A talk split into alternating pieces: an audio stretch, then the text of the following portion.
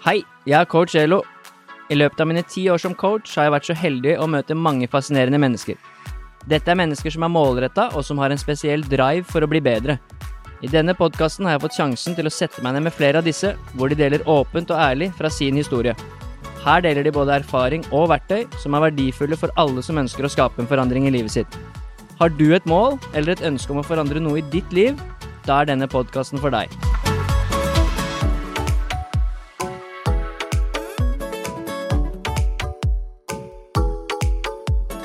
Hei og velkommen til en ny episode av Coach Elo med gjester. I dag har jeg med meg en ny crossfitter. En av også veldig god en. En av de beste i Norge, kanskje egentlig nå en av de beste i Europa.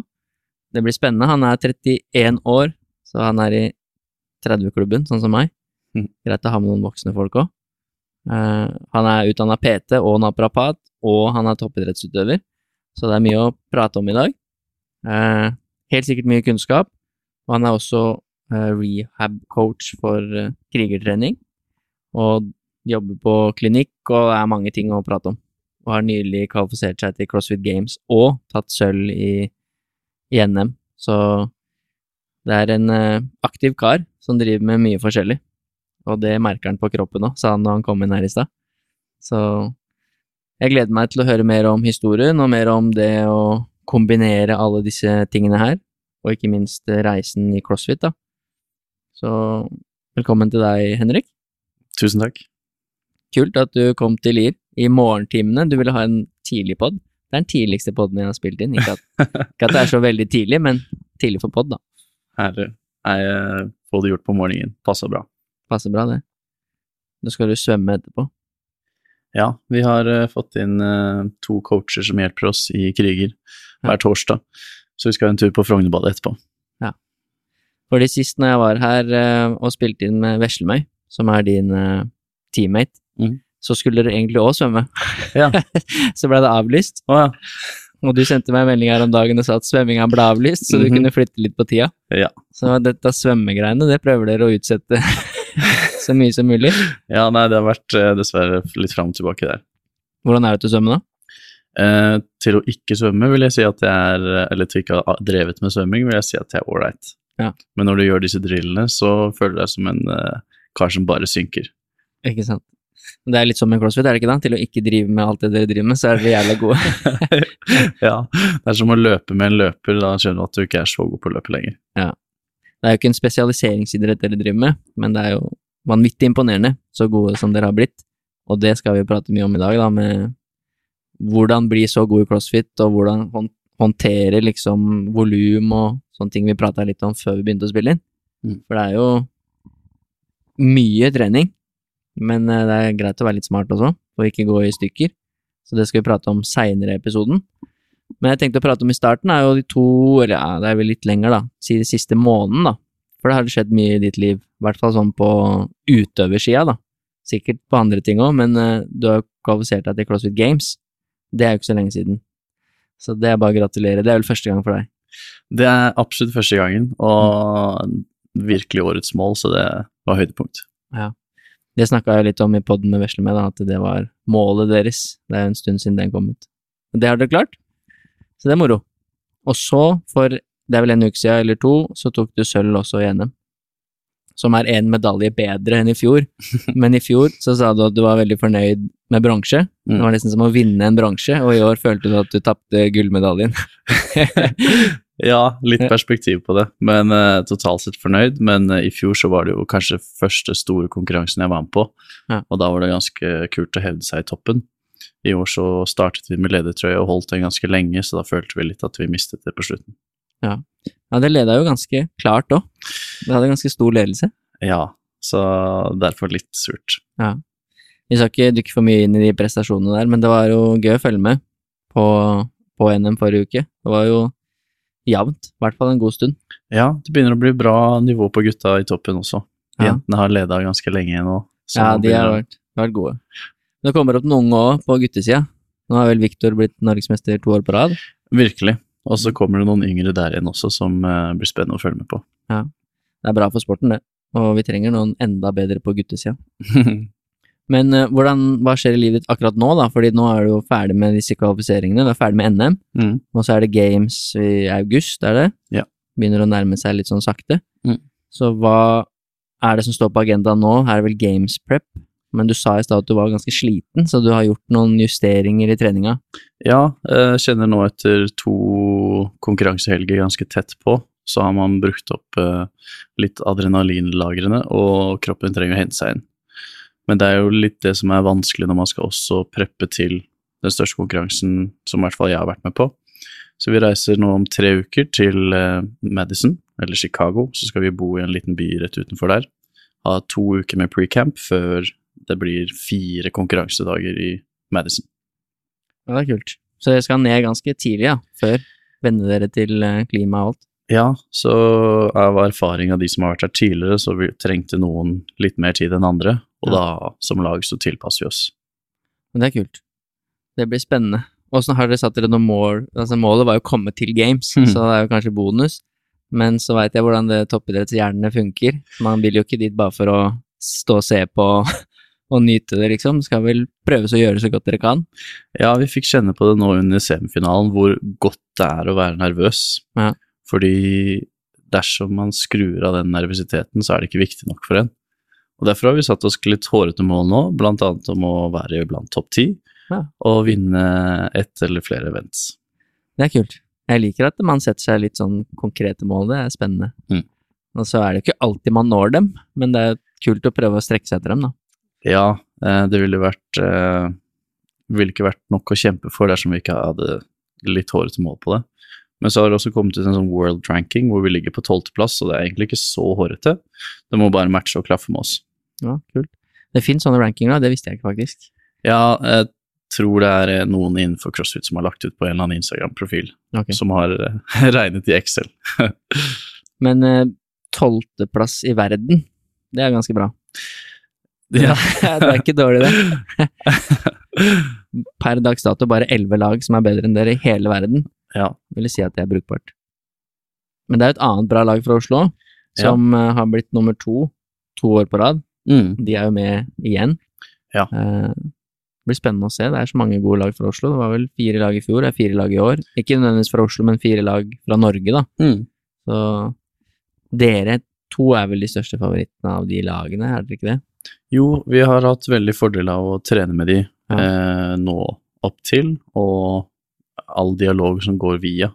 Samtidig som de har jo vært veldig bra de siste to årene. Så å kunne følge med de og trene med de har gitt oss et godt eh, utgangspunkt til det vi skal videre nå. Ja, Vesle med prata litt om det i episoden, at da var det vel eh, mot eh, semifinals dere drev og jobba mot, tror jeg, Mm. da jeg spilte inn med henne.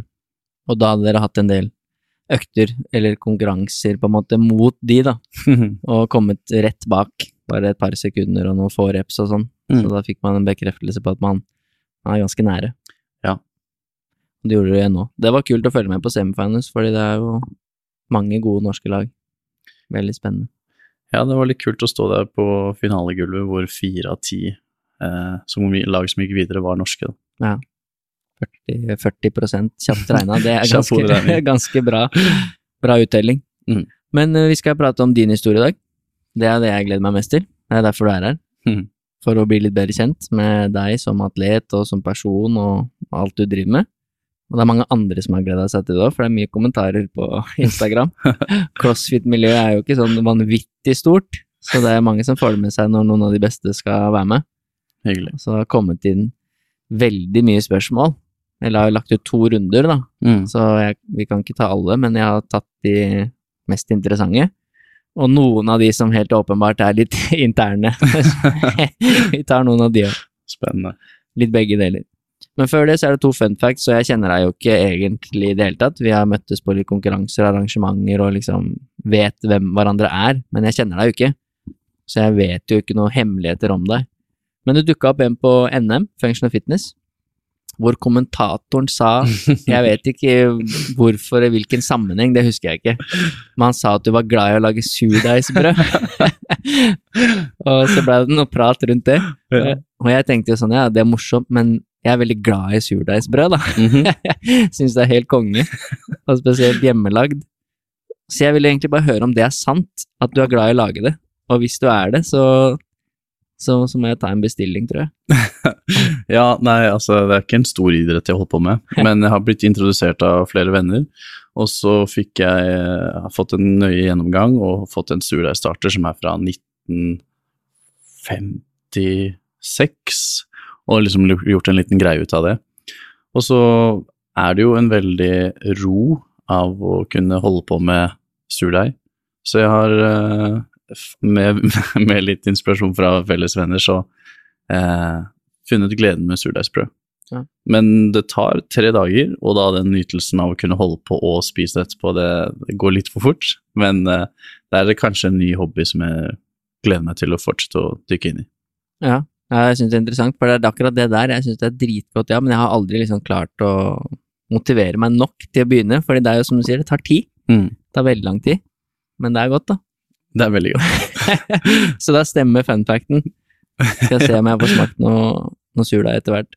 Men uh, det er kult. Den andre er jo Om det er fun fact, det veit jeg ikke, da. Men jeg hadde med en uh, tidligere som heter Lea Støren, Mm. som er crossfit-utøver. En av de unge som akkurat nå har skada seg, da, men som er på vei fram. Uh, og når hun var med i poden, så, så ble det litt prat om forbilder og sånne ting, da. Mm. Og hun har jo hatt Andrea Solberg som forbilde og litt sånn andre ting, og det var noen morsomme historier rundt det. Mm. Men så spurte jeg meg, har du hatt noen andre, eller er det noen du ser opp til? Jeg husker ikke ordrett, da. Mm. Men det jeg husker er at hun nevnte deg. Mm. Det husker jeg veldig godt. Jeg vet ikke om du har hørt den episoden, Jo. men hun prater jo litt om deg og hvorfor du var et forbilde og sånn, så hva, hva tenker du om det? At det er andre på vei opp som har deg som forbilde? For du er jo faktisk, jeg veit da fader, 12-13 år eldre enn Lea, noe sånt. Ja, nei, det er uh, like overraskende å høre hver gang. Uh -huh. uh, mest fordi hun er kanskje den jeg tenker på som har kanskje mest grit, altså evnen til å stille opp tidlig, eh, pushe seg hardest, og sånn som nå når hun går gjennom en skade, så er det ingen tvil om hva hun holder på med, da. Og jeg synes tilbake til henne også at hun er et ekstremt godt forbilde på hvordan man kan eh, virkelig gjennomføre noe, men alltid et smil om munnen. Og så er jeg glad for at hun har veldig mange andre interesser også, så hvis du setter deg ned og prater med Lea, så har hun veldig mye å komme med, og da Det er veldig viktig for meg, da, fordi vi- havner i vår boble, eh, enten som toppidrettsutøver eller inne i crossfit-miljøet. Men Lea har veldig mye gode tanker og er et veldig godt menneske, så det går rett tilbake til henne også. Ja, det er kult. Jeg tror han blir glad for å høre. Hun eh, er definitivt morsom å prate med. Ja. Nå har jeg både spilt inn pod med henne og vært på tur med henne, så der er det mye morsomme historier allerede. Ja da, det er alltid noen kommentarer. Ja, hun, er, hun gleda seg veldig til denne episoden her også, det kommenterte hun på Instagram. da. Hyggelig. Men du sier det, hun er jo skada, og jeg har jo trent opp eh, min eh, grad av mennesker eller håndballspillere med kneskader Mm. og menisker og korsbånd som har blitt operert, som hun har operert nå, da, menisken. Ganske imponerende at hun drev og gikk på hendene og holdt på med noe greier, så et par dager etter noen operert, så tenkte jeg bare du må ikke falle eller lande feil eller noe nå. Så hun er jo klin gæren. Ja, det er det jeg mener, at hun utnytter alle andre muligheter som hun virkelig Eller så av de som fins. Ja. Og du ser det i øynene på henne med en gang. Kanskje jeg må utfordre noen av disse håndballspillerne på å gå litt på hendene. Rett etter skade. Men eh, vi skal ha litt spørsmål fra Instagram. Dette var fun factene, kanskje det dukker sikkert opp noen underveis. Surdeigsbrød og Lea. Men eh, fra Instagram så har jeg plukka ut litt spørsmål, da trenger jeg å ta Mac-en min for å finne dem fram, for det var så mange. Så jeg har notert ned eh, ganske mange, men okay. eh, ikke så mange som kom inn, for det kom jo inn eh, over 20. Nesten 30, tror jeg. Men vi har tatt noen, da. Så er du klar, Henrik? I'm ready. Vi starter med en som er kanskje noe internt, jeg vet ikke, men det har jeg lagt merke til også, det er jo en del av gamet, det. Men hvor ofte tar du egentlig av deg T-skjorta? Eller mer riktig, hvor ofte har du den egentlig på deg? Så dette er kanskje en kar du kjenner, jeg husker ikke hvem som kommenterte, men Nei, jeg har mine, har mine tanker. Eh, jeg har fått høre det før jeg begynte med crossfit også, og det er uh, For å forsvare meg selv, jeg er en veldig varm person. Så når jeg er hjemme i, min egen leilighet, så tror jeg aldri har på T-skjorte. Men, men spesielt nå når vi ikke får lov til å trene i baris også, så er det veldig befriende å kunne plutselig ta seg i en konkurranse. Det er nesten med sånn ok, eh, nå får du lov. Eh, men jeg har også fått høre det, at eh, det kan skje litt ofte, så jeg prøver å passe meg også. Så det er ikke bare for å vise fram en godt trent kropp. Nei. Det er fordi du er varm, faktisk. ja, eh, jeg skal jo Eller det er vel først og fremst at jeg er ofte varm, Mm. men også en frihetsfølelse. Ja. Men det er jo også faktisk enkelte, dette vet du veldig mye bedre enn meg, da, men enkelte økter hvor det er en fordel, da. Jeg var jo med og konkurrerte i Oslo for en par uker siden, på Oslo Trollheim, bare for gøy. Mm. Og da hadde vi muscle ups og handstand walk, og da brukte jeg en sånn oversized T-shirt som jeg syns er digg, da. Ja. Og så tenkte ikke jeg på at jeg skal gå 50 meter på hendene, så Mm. det var et helvete å få den T-skjorta over huet. Jeg så jo ingenting og ble nesten stoppa av min egen T-skjorte, så Ja, der hadde baris vært fordel. der har du det. Ja, så det er bra du har noen grunner, men eh, det er mest fordi det er varm og frihetsfølelse. Mm, bra start. Når starta du med CrossFit, og er det for sent for en 26-åring å satse på det? Du er jo da 31, for de som ikke husker det fra introen, da. Ja, um, jeg tror jeg var innom CrossFit først i 2014, og da var jeg inne på CrossFit Oslo og så de eh, noen av de gamle ringrevene som fortsatt er der i dag, eh, men da var jeg ikke godt nok forberedt på den belastningen som det kostet, så jeg fikk eh, problemer med skuldre. Og så sluttet jeg med CrossFit og holdt på med veldig mye annen trening, som egentlig bygget meg opp til å forstå hvordan kroppen fungerer. Og så begynte jeg igjen med CrossFit i slutten av 2018, eller unnskyld, starten av 2018, og da eh, begynte jeg vel aktivt å konkurrere i 2020, kanskje, hvor eh, det først da begynte med to ganger om dagen treningsøkter. Og hvis man da tenker på å satse, så må man tilpasse seg denne belastningen, uavhengig av alder, men treningsbakgrunn. Så det er absolutt aldri for sent, men det er vel kanskje noe du, som vi har tenkt å snakke om i dag også, antall treningstimer og hva man er vant til, sånn at dette her blir en gradvis eh, eksponering til kroppen, istedenfor at det går fra 0 til 200, som er største risiko for skader. Mm. Så absolutt ingen hindring med alder.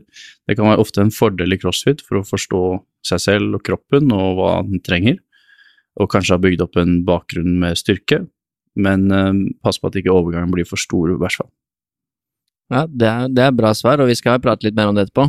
Eh, volum av trening og som man hører allerede nå, så brenner du jo litt for det. Og du er jo en behandler og en PT og driver klinikk, sånn at det ville vært rart om du ikke var interessert i det. Eh, og så har du spesialisert deg litt på skuldre, og Ja. nå kom det jo fram at du har slitt med det sjøl, så det er jo kanskje en av grunnene.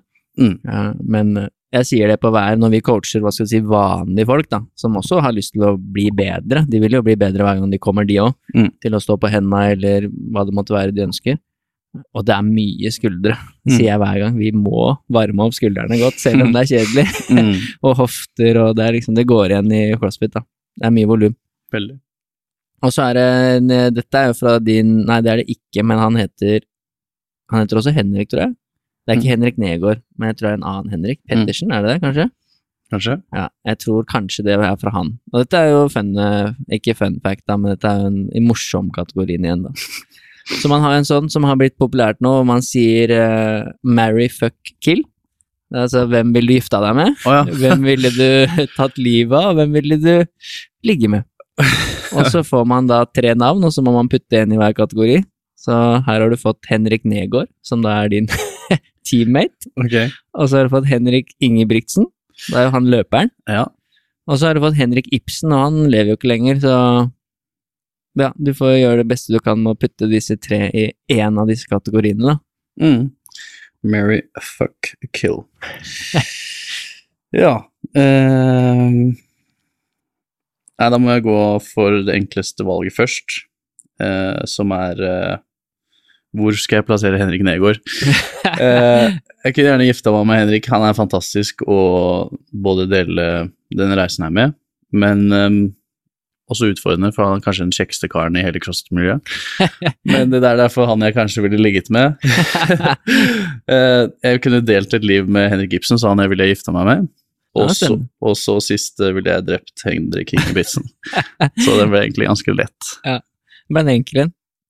Ja, jeg var litt interessert, det var tre Henriker der. Ja, fin. Men uh, Henrik Negård er jo da din eh, partner, eh, en av dine partnere i hvert fall, på Team Oslo Blackout, da, Yes. som også skal til Games.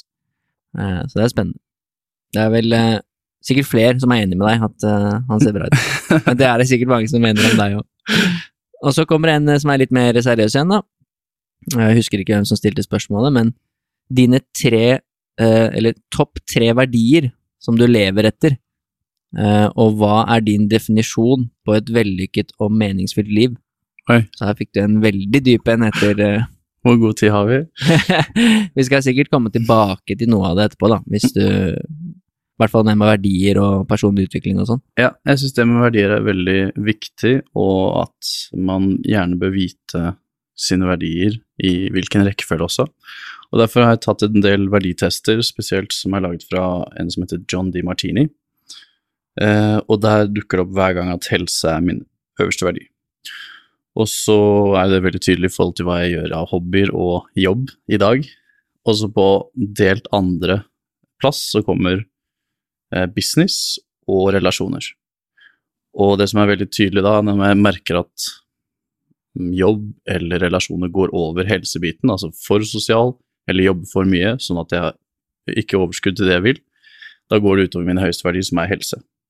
Sånn at hvis jeg klarer å balansere helse, jobb og relasjoner, så er det nøkkelen til min hverdag. Men der også har jo det vært utfordring nå siden det har blitt enda mer trening, og så skal man balansere med jobb og relasjoner, som har vært utfordring. Hvordan skal jeg nå legge på enda mer innenfor helsebiten, da? Og det er det jeg kanskje ta med meg mest videre herfra. Hvordan oppgradere sin egen helse samtidig som man skal prestere på såpass høyt nivå og jobbe ved siden av.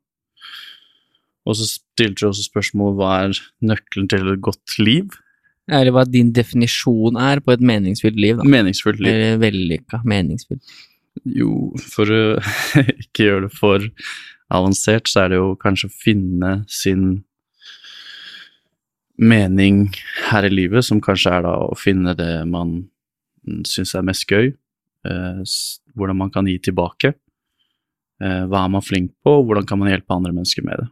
Og finne det som en nesten obsession, sånn at man kan hele tiden fortsette fortsette å utvikle seg, og derfor kunne hjelpe flere mennesker med det samme. Som er egentlig det jeg syns er nå veldig interessant i forhold til kropp. Hvordan fungerer denne kroppen, og hvordan kan man hjelpe flest mulig å forstå hvordan kroppen fungerer. Det er et bra svar, og du virker jo som du da lever et meningsfylt liv sjøl, for disse tingene driver vi jo med på ukentlig basis. ja, jeg vil jo si, eh, ettersom jeg også jobber som selvstendig næringsdrivende, så har jeg brukt utallige timer på å finne ut hva min passion er, eller hva min mening er, og hvordan jeg har lyst til å bruke hverdagen min til å fortsette å dyrke det. Og så har det vært et lite sidespor nå hvor crossfit har nesten tatt over hverdagen, Eh, men det går altså godt innenfor hva jeg syns er mest morsomt akkurat nå. Men virkelig nå ser hvordan jeg kan gi enda mer tilbake etter å ha utviklet meg innenfor trening og toppidrett, og hvordan jeg kan ta det som et virkelig stort, en stor brikke til mitt neste steg innenfor jobb, da, eller ta med dette videre. Ja, det blir spennende å sikkert prate litt mer om etterpå, eh, mest sannsynlig. Mhm. Men vi prata litt om det i stad, at nå er du jo en toppidrettsutøver. Altså, det går ikke an å si noe annet når du skal til games og bruke så mye timer. Men så skal du nå etterpå inn og ha eh, klienter på klinikken, og hjelper folk der også, med skader og plager og prestasjon og sikkert alt mulig. Mm. Eh, og så er det den balansegangen der, da. Men eh, det, med tanke på det du sa der, da, du hadde kanskje ikke fått det perspektivet heller hvis du ikke hadde valgt å satse i crossfit, eller at det hadde blitt altoppslukende, da. Mm. Det er jo først da du kanskje får noen verktøy, og at du kan, oi, se enda tydeligere, da. Ja. For da har du prøvd. Og jeg håper du prøver litt til, noen år til. det kommer tilbake til. Skal vi se, det kommer litt kanskje som ikke er så dypt. Har du noen gang hatt, eller har, et forbilde innenfor crossfit?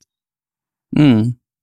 Og det er litt det som er med vår sport, hvor det er så mange forskjellige grener du skal være god i.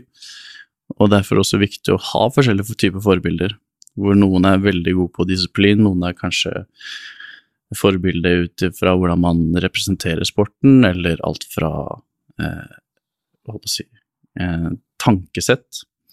Så første som kommer opp, er jo når man har holdt på en stund, er jo både Rich Froning, som eh, kanskje var den som innledet meg til dette, men også fulgt eh, Hard Work Pays Off med Matt Fraser en stund. Men det er ingen sånn én spesifikk person innenfor crossfit som pinpointer seg ut, for det er heller flere som dekker mange roller her, da. Men Matt Fraser og Rich Froning er jo ikke dumme, dumme karer å ha. Nei, De mestvinnende gutta i CrossFit. Eh, nå har vel Rich Froning faktisk tatt et år, i hvert fall hvile, om han ikke har gitt seg. Så kan han ikke være med i Games for første gang på 100 år. Så Ja, kanskje det- noen andre kan vinne. Ja, det er det som er jobben vår nå, da. Se hvem som får til det. Ja, det blir veldig spennende. Jeg fikk faktisk, eh, det skal ikke prate så mye om meg i dag, jeg fikk det spørsmålet, altså den personen spurte også meg, hvem er ditt forbilde, Ole, innenfor CrossFit? Og det har jeg egentlig aldri tenkt på, for jeg har jo ikke liksom eh, hatt lyst til å bli god på den måten. Jeg bruker det som treningsform for å holde meg i form, da. Men eh, tenkte jeg litt på det da jeg fikk det, og jeg syns synes det er veldig kult å følge med på reisen til Annie, da, fra Island. Ja. For at hun har vært med liksom fra starten. Mm. Var vel med i Games første gang i 2008 eller 2009 Mm. hvor hun var den eneste, tror jeg, nesten hele Games som kunne en muscle-up. Uh, så liksom, sporten har utvikla seg, Mm. men så har hun klart å liksom henge med på utviklingen, er fortsatt en av de beste, og det syns jeg er imponerende. Ja, nei, det var rått å se hun komme tilbake etter uh, graviditet og faktisk prestere såpass rått. Ja. Og det sier litt om kanskje det kroppen har lært seg fra før av. Hvile, og så kunne trene seg opp igjen. Ja, ja, absolutt. Jeg vil også legge til at uh, Nico Biladel er faktisk forbildet mitt innenfor crossfit. Mm, I Norge? er-. Ja, eller han er den jeg har tenkt på mest når jeg er mest sliten, uh, i forhold til det å pushe seg hardest. Så trente jeg også med David Schronke i Sverige, som var en eh, hard motherfucker som jeg gjerne ville slå hver eneste økt, men det gikk nesten aldri. Så de to personene er de som virkelig dukker opp når jeg tenker på når det er mest tungt, og hvem man har lyst til å slå. Ja, kult. Kanskje man hadde fått med Nico på en eh, episode en gang òg. Han er jo en eh, litt sånn old school crossfitter, han holdt på lenge. Virkelig. Uh, har vært i games også, og så ble han norgesmester. Han var jo på det laget som slo dere for et par uker siden. Ja. Men det er bra. Uh, vi skal litt videre. Vi har tre, tre spørsmål igjen. Tre-fire.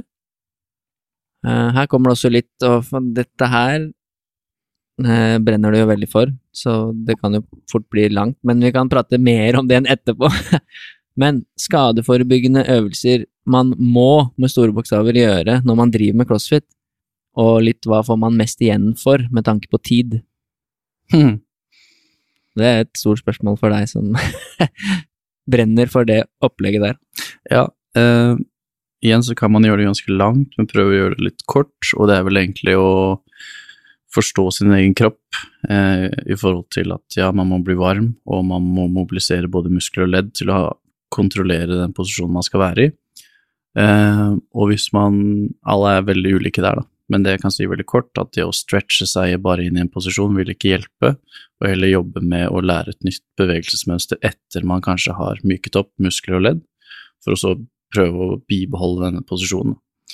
Og ingen én eh, øvelse som er best av alle, men time and attention, altså jobbe i den posisjonen som man virkelig vil være i. Da. Så hvis det er en overhead squat, så må man jobbe seg ned i den posisjonen og sitte der og lære musklene å jobbe i den posisjonen.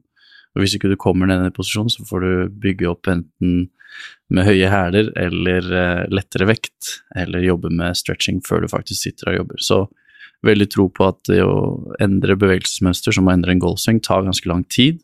Så du må se i forhold til ditt anatomiske mønster, hvor er det ledd, så tar det litt lengre tid. Er det muskler, så kan vi myke opp det ganske lett. Men da kanskje få en liten screening og se at dette er de spesifikke strukturene som hindrer deg til å få en optimal posisjon her. Så det er en litt lang vei å gå hvis det er alltid bevegelse som hindrer deg, spesielt i crossfit hvor du skal gjøre mye over hodet eller smidige bevegelser. Men dessverre ikke én øvelse eller ett program som funker for alle, men å jobbe mye i den posisjonen som du skal komme deg ned eller inn i. Og det er bra. Man blir jo eh, god på det man trener på. Ja. Ofte med kroppen, da.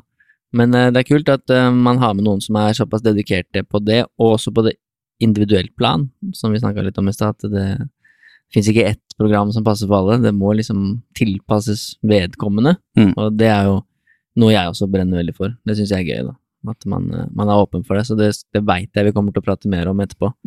Men det er to ting som, eh, eller én ting i hvert fall, som eh, dukker opp. To ting. I hodet mitt, alltid når jeg spiller en pod, så dukker det opp ting underveis. Så prøver jeg ikke si det, for jeg må la gjesten prate ferdig. Noen ganger husker jeg det, og noen ganger så blir det borte. Mm. Men det er to ting. Da. Det ene var du sa overhead squat, Mm.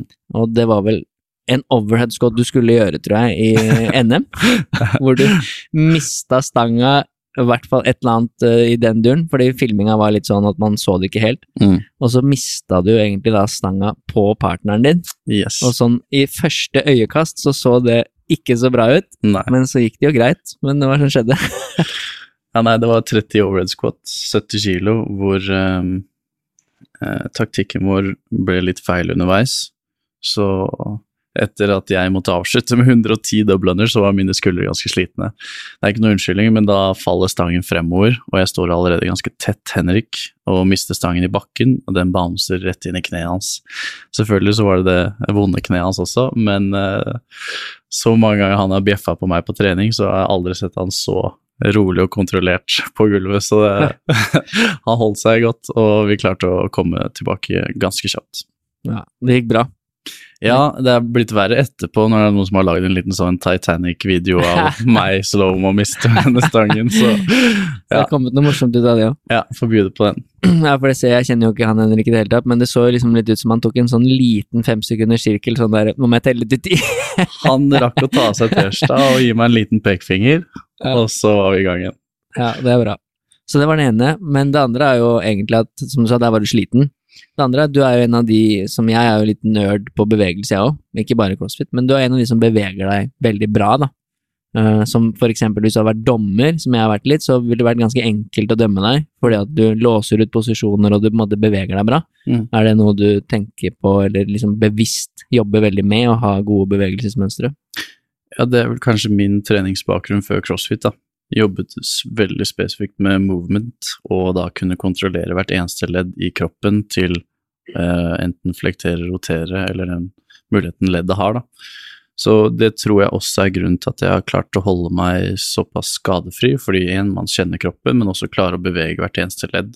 Så det å da gå inn i crossfit, hvor alt skulle være raskest mulig og ikke nødvendigvis se penest mulig, det var nesten en overgang foran meg, hvor jeg har fått beskjed nå må du gjøre styggere repetisjoner, for du må være mer effektiv. Ja. Så jeg tror det er litt sånn litt stolthet i meg, hvordan jeg liker at ting skal bevege seg, men det er ja, eh, hvis jeg kan gjøre det arbeidsøkonomisk og beholde disse bevegelsene, så er det målet i hvert fall. Det beste, ja. Mm. Ja, men det er som du sier, noen ganger så må det også kanskje se litt stygt ut, ja, for at det skal gå fort nok. Noen ganger. Men det er veldig gøy å se dere som har, og et av de forbildene der, det er egentlig begge, Matt Fraser og Rich Froning, og faller i samme kategori for meg, da, beveger seg utrolig bra. Mm. Og ser stort sett alltid pent ut, Mm. uh, uansett hvor sliten eller hvor tungt det er. Mm. Uh, så det er jo mulig å opprettholde i hvert fall ganske bra. Og hvis man vil se på en som jobber i dag, så er det André Hodé, dansken, som konkurrerer mot oss i Teams, som jeg syns i dag beveger seg best blant eh, eller i crossfit-verdenen. Ja. Veldig fine bevegelser. Det er bra. Det er gøy å ha med noen som er litt sånn opptatt av det. Mm. Eh, sånne små detaljer. Men det er kult. Eh, dette er internt, tror jeg. Hvordan fikk du kallenavnet D'Angelo? Dette vet jeg ikke hva er for noe. Ja, det, Men der har du jo mitt navn på slutten, da. Angelo, så det er jo har vi noe til felles. Uh, ja, nei, det er eh, litt nytt kallenavn, og det er egentlig ikke et kallenavn Det det helt at det er en person som kaller meg det. Det er én person, ja. Ja, så jeg vet hvem som har stilt spørsmålet. uh, nei, det var vel en som uh, mente at jeg var Det er jo fra Engel, og så har han funnet opp navnet Angelo. Så det var, jeg fikk høre at uh, du er eh, eh, Du er jo som en engel, og så sa jeg det til han, og da lo han seg godt. Og så har han funnet opp et lite story rundt det her, da. Så egentlig en veldig liten greie som jeg ikke visste at jeg ble kalt engang, men uh, jeg vet hvem det er. Takk for Alex. Ja, det kan jo stemme at det var en Alex som sier til det, ja. Så det var ikke en stor greie, Nei. men alltid gøy med kallenavn. Så er det en, eh, to spørsmål igjen. Det er eh, også et litt større spørsmål, som igjen, som jeg sier tusen ganger, må jeg bare beklage at vi kommer tilbake til. Men hvordan kombinerer du jobb og toppidrett? Og det var jo noe du åpna samtalen vår med når du kom i dag, at det er utfordrende, da. Ja, det er det. Og jeg begynte egentlig med satsingen for å vise at det går. fordi jeg hadde lyst til å få til begge deler. Men så ser jeg i det miljøet vi holder på med, at det krever virkelig alt av en. Og har veldig lyst, og prøver virkelig å få til både jobb, eh, satsing og sosiale liv. Men i starten så ble jeg bare syk. Fordi man tror at man kan opprettholde de samme nivåene ved å samtidig som man upper treningen. Eh, det gikk dessverre ikke for min del, eh, så jeg har funnet ut hvordan min hverdag nå må se ut for at jeg klarer å jobbe så mye, trene så mye og ha det sosiale livet jeg ønsker ved siden av. Men eh, det koster egentlig det som vi var inne på i stad, hvordan skal jeg optimalisere helsen min enda mer nå, som er å strukturere hverdagen sin, måneden sin, og se på året som en sesong. Når er det vi må legge inn hardgiret, og når er det vi kan ta det litt roligere. Og da vet jeg hvilke helger allerede i januar, eh, så vet jeg hvilke helger i mars og april som jeg virkelig kan ha sosiale settinger, og derfor glede seg veldig til dette. Men når jeg ikke trener, så er jeg enten på jobb eller er sosial, eh, så det å få det til i det jeg mener er min hverdag nå, er jeg veldig fornøyd med. Men det har kostet litt, fordi man må feile litt først og se at ok, dette her går ikke, jeg blir syk. Og da eh, egentlig det å få, no, få nok søvn hvis man er på sosiale settinger, ikke legge seg for sent, og kanskje kutte alkoholen litt tidligere, så det ikke blir disse tingene som tar en når man kommer på mandag, og så kjenner man det resten av gjennom hele uka. Så det er, det er de punktene du var innom der som du tror også har gjort deg syk, at det liksom har blitt sett for mye, eller også for lite av Ja. søvn og restitusjon og andre ting. Altså dobbel treningsøkter om dagen, og så skal du ha full halloi i helgen også, Ja. pluss jobb ved siden av. Da klarer ikke kroppen å hente seg inn. Nei. Så hvis du da kommer på mandag og pusher igjen, så da skriker den. Men det er bra du har funnet en balansegang nå, da. Eh, Som sikkert mange, altså alle crossfitene jeg har hatt innom, kombinerer jo toppidrett med liksom enten om det er jobb eller studier eller hva det måtte være, da, i større eller mindre grad. Mm. Og det er jo et uh, gjennomgående tema. Hvordan løser du det? Mm. Uh, det er jo ikke noe fasit på det, men uh, det virker som du er en som i hvert fall hele tiden med alt du gjør, egentlig, prøver å finne ut hvordan kan jeg optimalisere det her, Mm. Hvordan kan jeg gjøre det, og så tester du ut, og så justerer du når du må. Det er en god egenskap, da. Ja, eh, kroppen min sier fra ganske tydelig til meg, eh, og så liker jeg å høre etter og spørre den også hvordan, den har- hvordan den har det, så da må man tilpasse seg Mm. før det skrikes for høyt. ja, ikke sant. Vi kommer til å komme inn på det etterpå. Det siste spørsmålet er eh, bare return the favor, tror jeg. Det spurte du eh, Vesle meg om. Hvem som var hennes favoritt-teammate. favoritt-teammate. Eh, og hun har spurt deg om det samme. Funny.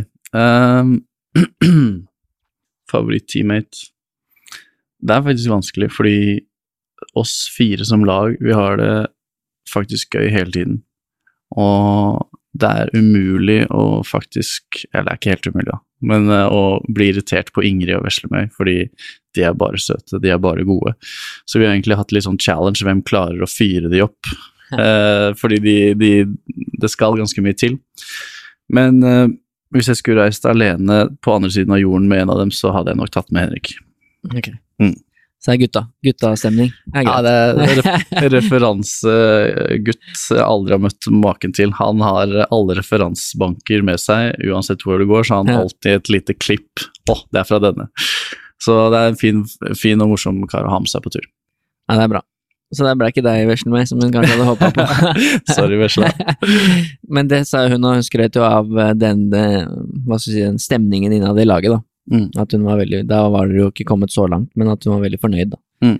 med menneskene, og liksom ikke bare utøverne. Nei. Eh, Og, det er viktig når man er på et lag, da. Hun bidrar til veldig mye latter. Det gjør hun. Ja, jeg vesler med er en morsom person. Ja, det er bra. Da er vi ferdig med Instagram-spørsmål, da tok vi bare sju-åtte av de 25. Bra. Så det er en populær kar, Henrik. Kommer inn mye spørsmål. Men eh, vi kommer sikkert tilbake til noe. Det ene, ene kommer vi tilbake til, da, for det ene spørsmålet var ganske stort. Mm. Og det kommer vi tilbake til litt seinere i historien din, da. Men nå, nå har folk blitt litt kjent med deg, de 40 minuttene med intro. Men nå skal vi bli enda bedre kjent med deg, hvor du skal få fortelle litt mer om din historie og din reise, ikke bare i crossfit, men i idrett og sånn. Mm. Du slo jo gjennom ganske seint i crossfit, eller valgte å begynne å satse sånn ordentlig ganske seint. Mm. Altså nærmere 30 år, da. Ja. Eh, så det viser jo at det er mulig. Mm. Det var en som spurte om det i stad. Men det er jo interessant å høre, som jeg spurte deg om, bakgrunnen din, liksom. Åssen andre idretter har du eventuelt drevet med?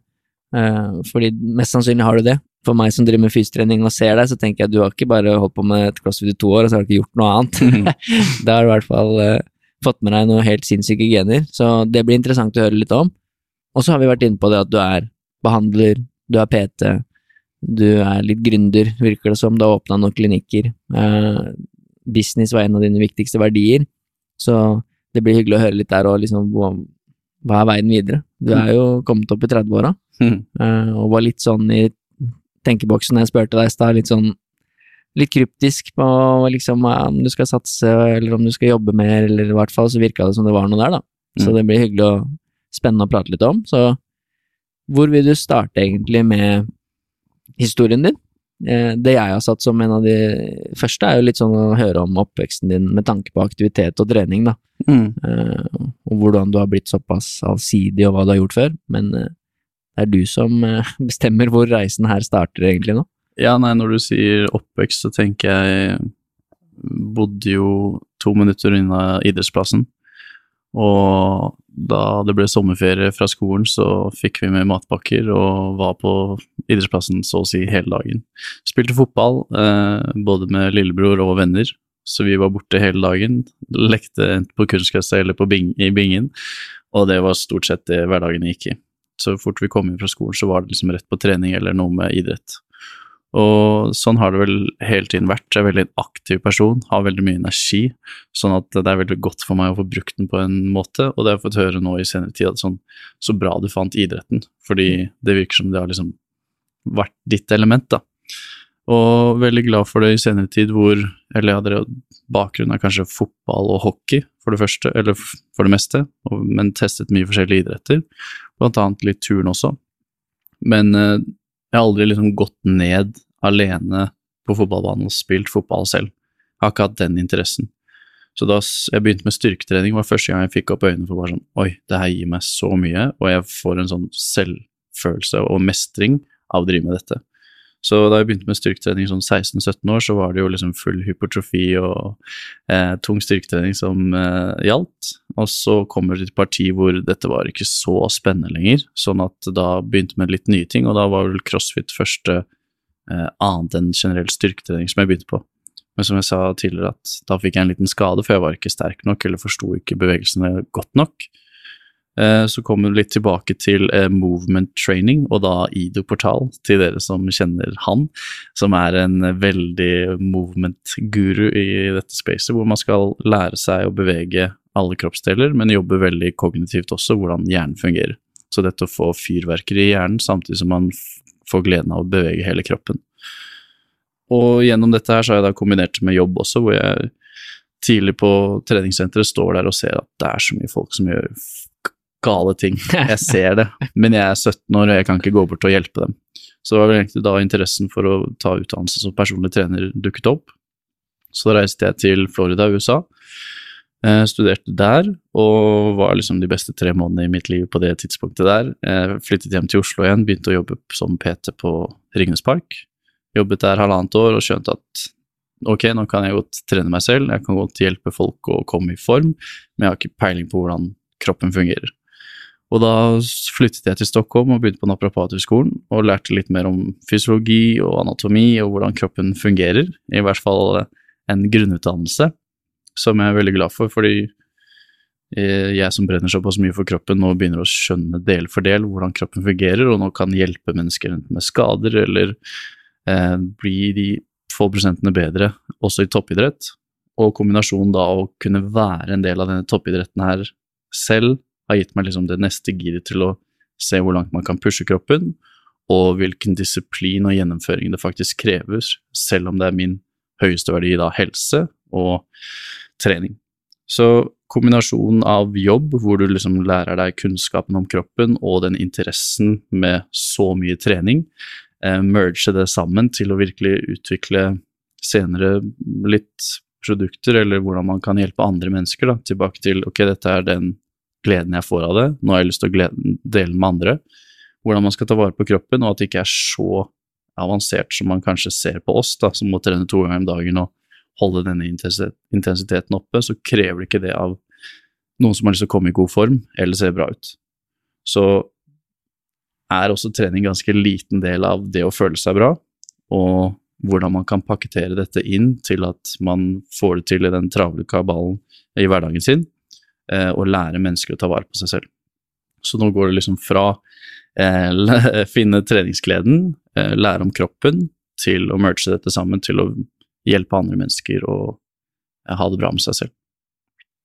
Ja, det er ikke dum eh, tanke, det. Og det er jo litt som med mange andre, som jeg har jo spilt inn noen episoder nå, som får en interesse, eh, enten at man driver med en idrett, eller Det er ikke alle som har vært med som driver med idrett heller, men du får en interesse, eller opplever noe, gjør et eller annet for seg sjøl, Mm. og så etter hvert kommer altså da en interesse om å hjelpe andre med det samme, Mm. eh, til å bli gode, gode i det den driver med, eller som i ditt tilfelle har mindre vondt i hverdagen, eller få bedre helse, da, som er en av dine høyeste verdier. Mm.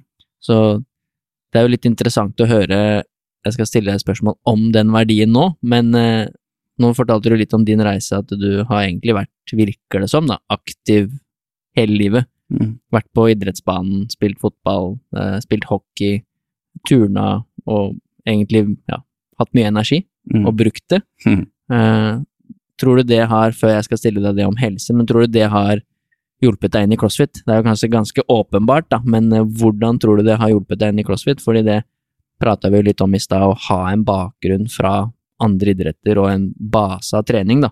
Mm. Som for eksempel Viktor, som er en av de som up and coming i crossfit nå, er jo norgesmester og jeg vet ikke hvor gammel han er, et par og tjue kanskje, Mm. 22. ja, som har vært liksom på håndball i høyt nivå og trent mye og liksom har et volum, da. Mm. Det er ikke sånn at han er helt fersk i trening. Mm. Uh, så det syns jeg er veldig interessant å prate om, da. Så tror du det at du har drevet med andre ting før, har hjulpet deg inn mot crossfit, selv om det er et ganske åpenbart spørsmål?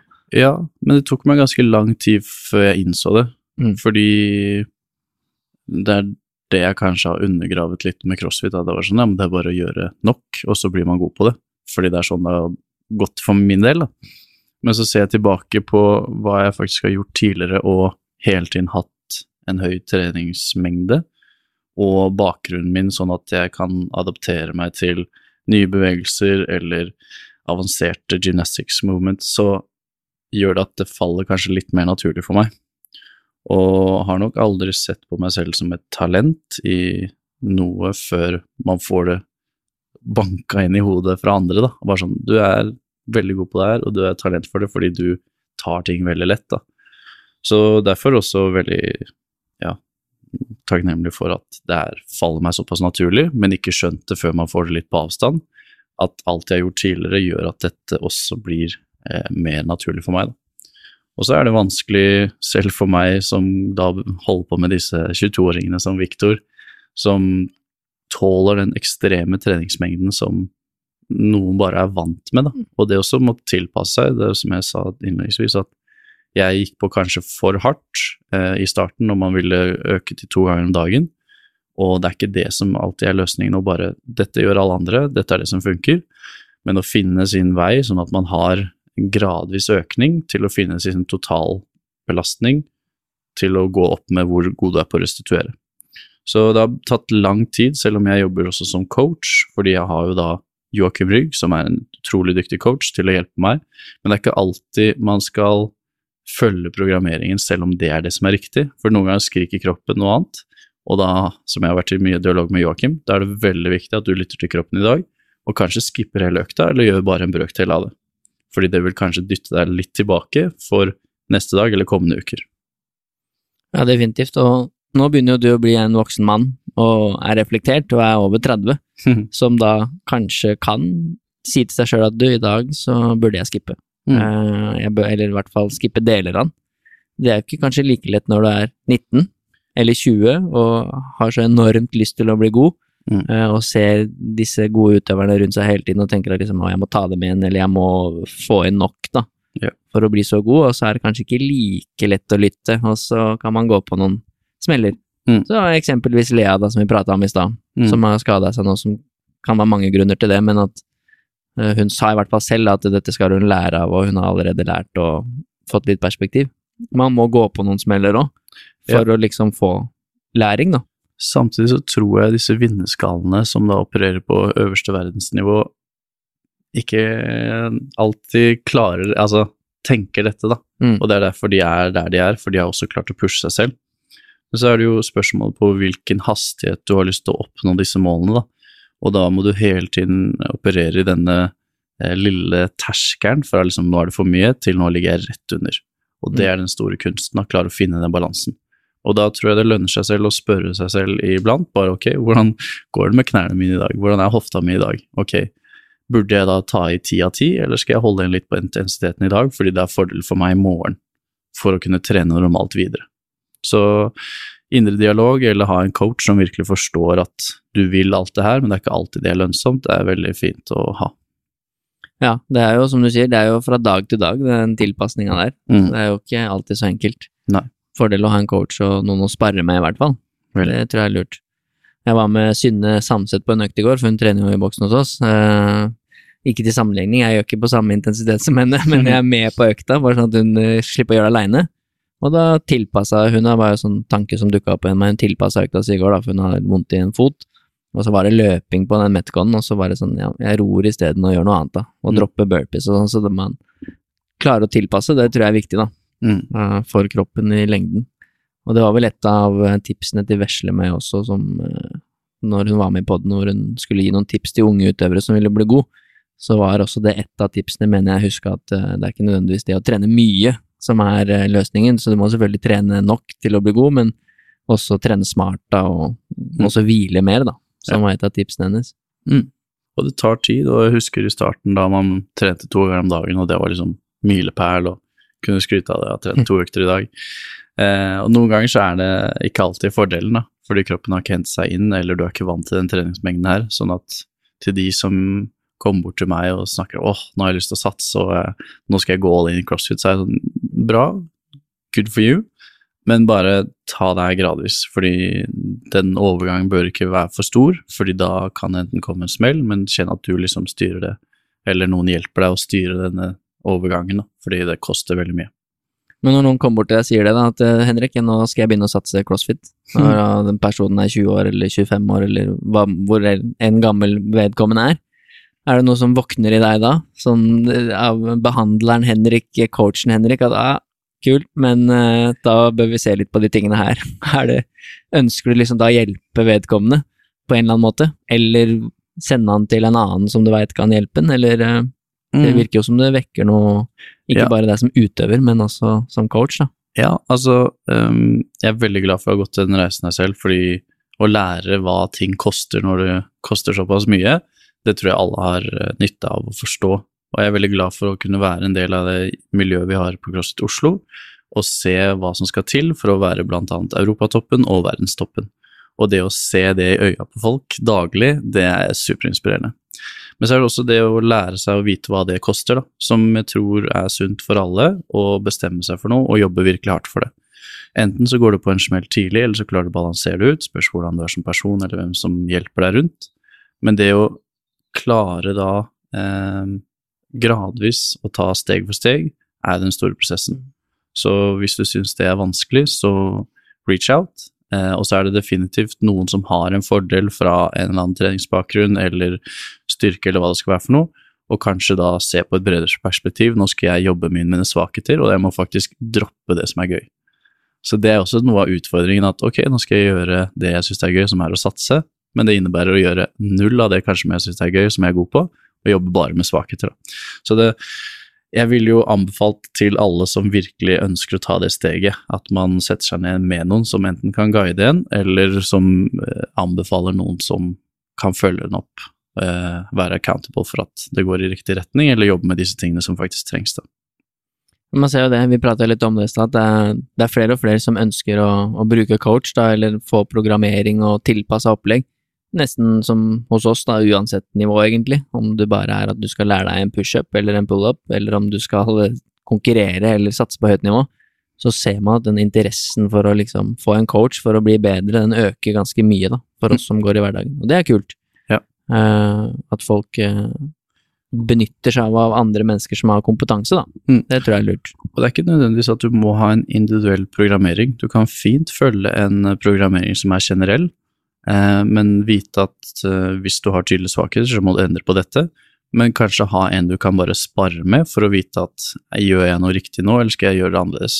Og det er vel egentlig det jeg er mest glad med min coach, at jeg slipper å tenke på hva jeg skal gjøre. Jeg kan uh, komme hver eneste dag, og det er ferdig programmert, og jeg slipper å bruke masse tid på er dette riktig, er det ikke riktig, for jeg har såpass stor tiltro i, og erfaring med min coach nå, Joakim, som jeg vet at ok, nå er det dette som skal gjøres, og da er det det som skal gjennomføres. Men også da viktig er det hvilken intensitet skal jeg ligge på i dag, da. Ja, det husker jeg Kristin Holte har vært med som gjest, eh, fortalte om at eh, jo eldre hun ble, jo mer erfaring hun fikk, jo mer også kunne hun tilpasse programmene selv, da. Mm. Og var et av tipsene at ikke nødvendigvis alltid coachen har rett, eller hvor du må lytte til egen kropp, da. Mm. Og det husker jeg veldig godt. Hun bor forresten rett her borte nå. Hun har kjøpt seg, kjøpt seg hus på riktig sted. så hun ser jeg ute og går litt av og til og trener. Så. Men eh, veldig interessante temaer å prate om, da. Og vi kommer tilbake til mer av det nå, fordi jeg har noen spørsmål rundt historien din Mm. som helt sikkert eh, dreier seg om det samme, da. Mm. Eh, men det virker i hvert fall som du er oppriktig interessert i helse Mm. og kroppen og hjelpe andre mennesker. Og du sa at helse var din viktigste verdi. Eh, og det virker jo som du er flink til å kategorisere ting, og faktisk sette deg ned og om du skriver den eller hvordan du gjør det, vet ikke jeg, men det virker som du har ganske god oversikt da, på ting i livet ditt. Mm. Eh, alt fra du skrøt av her i stad at det var litt ryddig, og liker at du har litt OCD og har kontroll på ting og sånn. Mm. Der er vi kanskje like. Men det jeg vil spørre deg om er, hva er helse for deg? Eh, hvor du sier at det er din viktigste verdi, Mm. men hva er god helse? Hvordan på en måte definerer du det? Eh, er det liksom fravær av sykdom? Er det se ut på en viss måte? Er det å løfte visse vekter? Liksom hva, Mm. hva er god helse? Mental helse også? Eh, Mm. Det er jo stort, eh, en stor verdi, da. Ja, det er mange tanker som dukker opp, fordi den friheten til å gå rundt og føle seg bra i sin egen kropp, det er mange parametere som skal til for å eh, kanskje fylle, da. Og trening er en av dem, men det er ganske mye innenfor det mentale som du kan ha verdens best trente kropp, men hvis du selv sitter og bodyshamer deg for å ikke føle deg bra nok, så hjelper jo ikke det. Sånn at det å ha ulike eller hva definisjonen av god helse, eh, føle seg fri i sin egen kropp, ikke hindret, og derfor kunne gjøre hva man ønsker, uavhengig kanskje av hva alle andre mener rundt seg.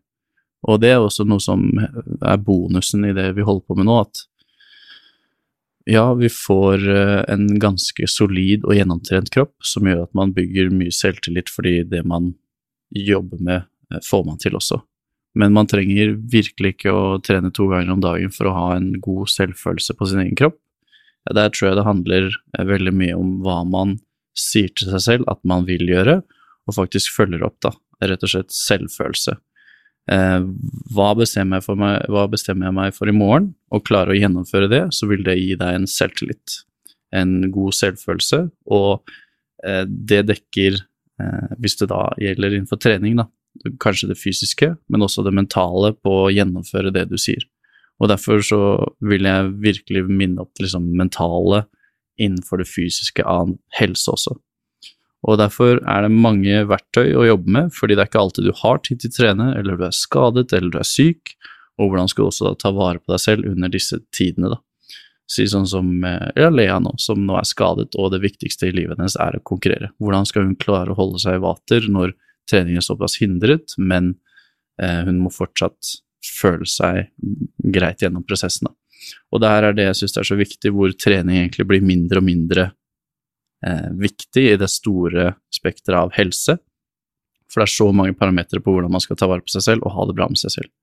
Og det er litt det jeg liker å dykke inn i, selv om treningen er kanskje det som synes ut, utenfra, men den personlige eh, prosessen eller utviklingen bak det er syns jeg er kjempeinteressant, og som kanskje er mitt neste steg etter Nå jobber jeg veldig med det med muskel- og skjelettsykdommer eller skader, men hva som skjer på innsiden eh, i hodet vårt, det er mm, holdt på å si mitt neste steg som jeg har lyst til å lære enda mer av, som jeg har begynt litt på nå i forhold til å studere psykologi, og da hvordan våre tanker påvirker eh, vår kropp, eller helse, og motsatt, da, og hvordan vi kan påvirke vår våre tanker med å gjøre noe fysisk, og motsatt, hvordan vi kan påvirke eh, vår eh, kropp ved å gjøre noe mentalt.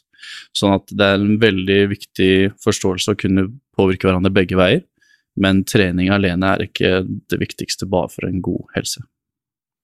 Nei, det er jo et så interessant tema å prate om, og det er derfor jeg spør. Da. Du er jo genuint interessert, så det er alltid kult å høre tanker til mennesker som faktisk virkelig bruker tid på dette her, da. Mm. Både i sitt eget hode, men også mot kunder, klienter, andre utøvere og sånn. Mm. Eh, fordi mange av de jeg har hatt med på den, så er dette et tema, og det er tema for alle mennesker. Mm. Men jeg har jo hatt med crossfit-utøvere før, og det blir jo relevant å liksom vise til, siden du også er det, men også andre idrettsutøvere.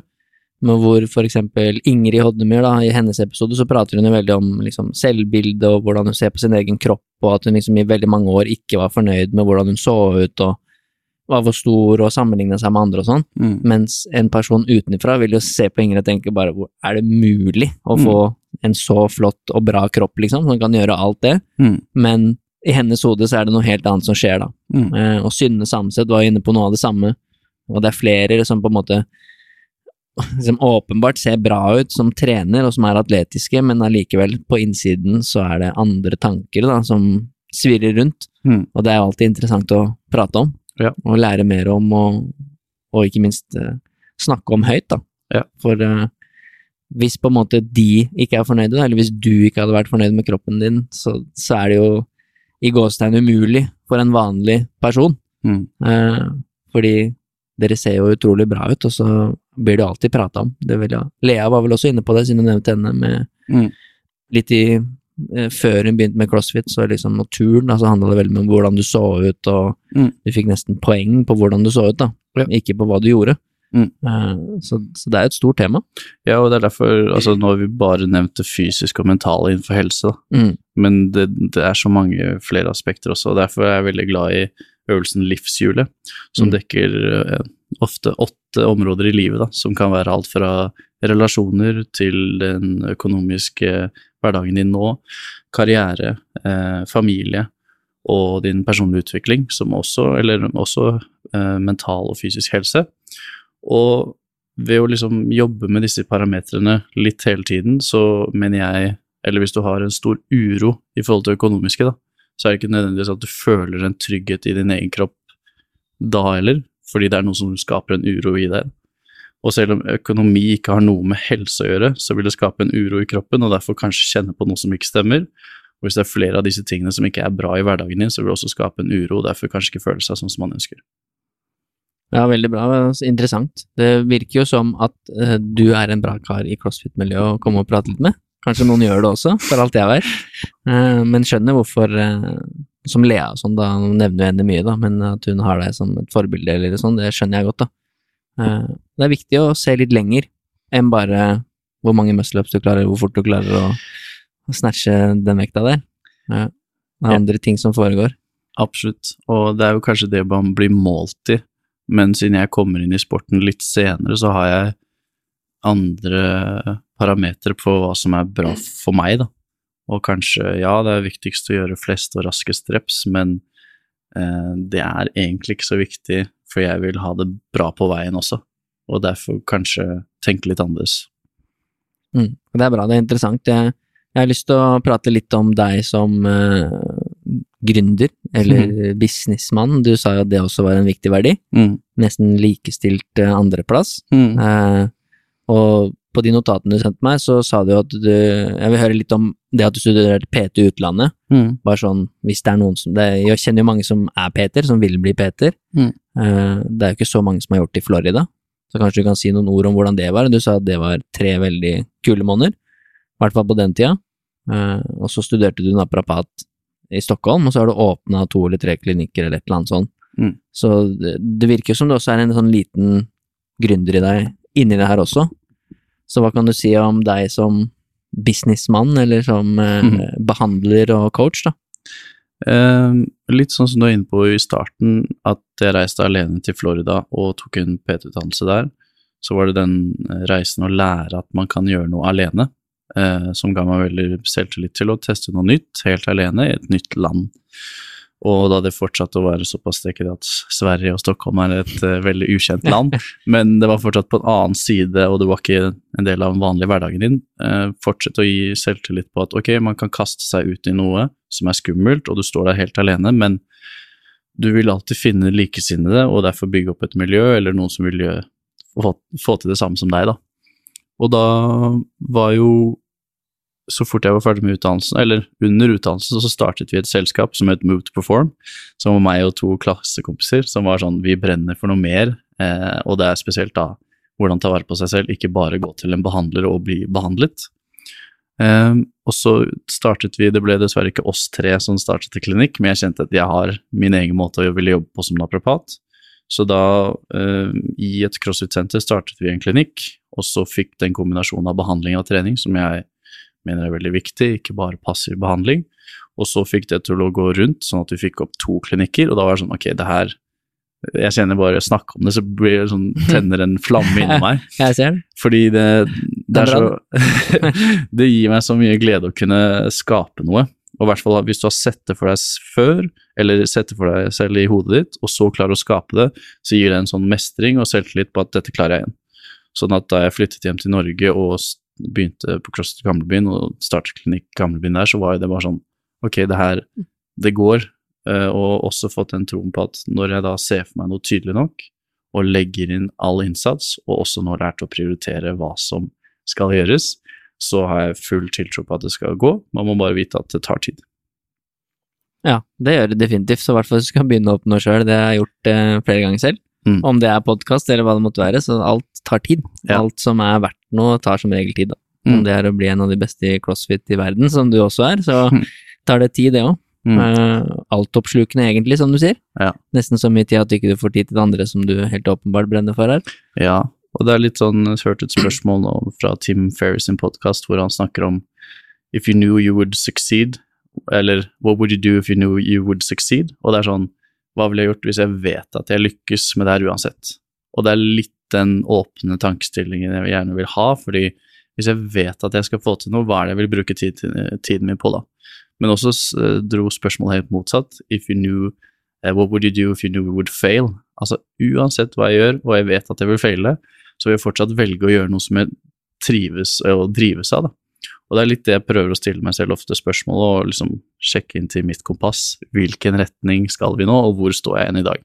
Sånn at jeg hele tiden prøver å passe på gjør jeg det som jeg vet jeg vil jobbe mot, for det er ikke alltid solskinnsdager selv om man gjør det man faktisk elsker. Eh, men sjekke inn med seg selv og kartlegge og hvilket steg man skal ta i neste retning. Ja, det er, eh, det er veldig interessant å prate om. Tim Ferris, det ligger en bok han der nede. Jeg så det. du så det? Okay. Jeg har fulgt han litt, jeg òg. Han, han, har mye bra å komme med. Men uh, hvor ofte er det du sjekker inn med det? Du sa at uh, det å sjekke inn på seg sjøl, hvordan, hvordan, hvordan, har jeg det egentlig? Er jeg fornøyd med den reisen jeg er på nå? Mm. Uh, hvor ofte er det du gjør det? Og har du noe system på hvordan du gjør det? For det virker som du har system på det meste i livet. jeg vil ikke si at jeg har system på det meste, men jeg har funnet et verktøy som funker veldig godt for meg. Og det er jo når jeg har Eller jeg var, da jeg var liten, fikk jeg nesten penger for å løpe rundt huset, for jeg hadde så mye energi og klarte ikke å sitte stille. Og nå har jeg funnet et verktøy med pusten og meditasjon, hvor jeg klarer å sette meg ned, finne fullstendig ro. Og derfor, når jeg finner fullstendig ro, så klarer jeg å liksom se ting veldig klart i hodet mitt. da. Og da får jeg veldig tydelig svar når jeg stiller meg selv spørsmålet hva er det som er riktig for meg nå. Om det er magefølelsen som svarer, eller hva det er for noe, så gir det meg veldig tydelig tegn på hva som føles riktig.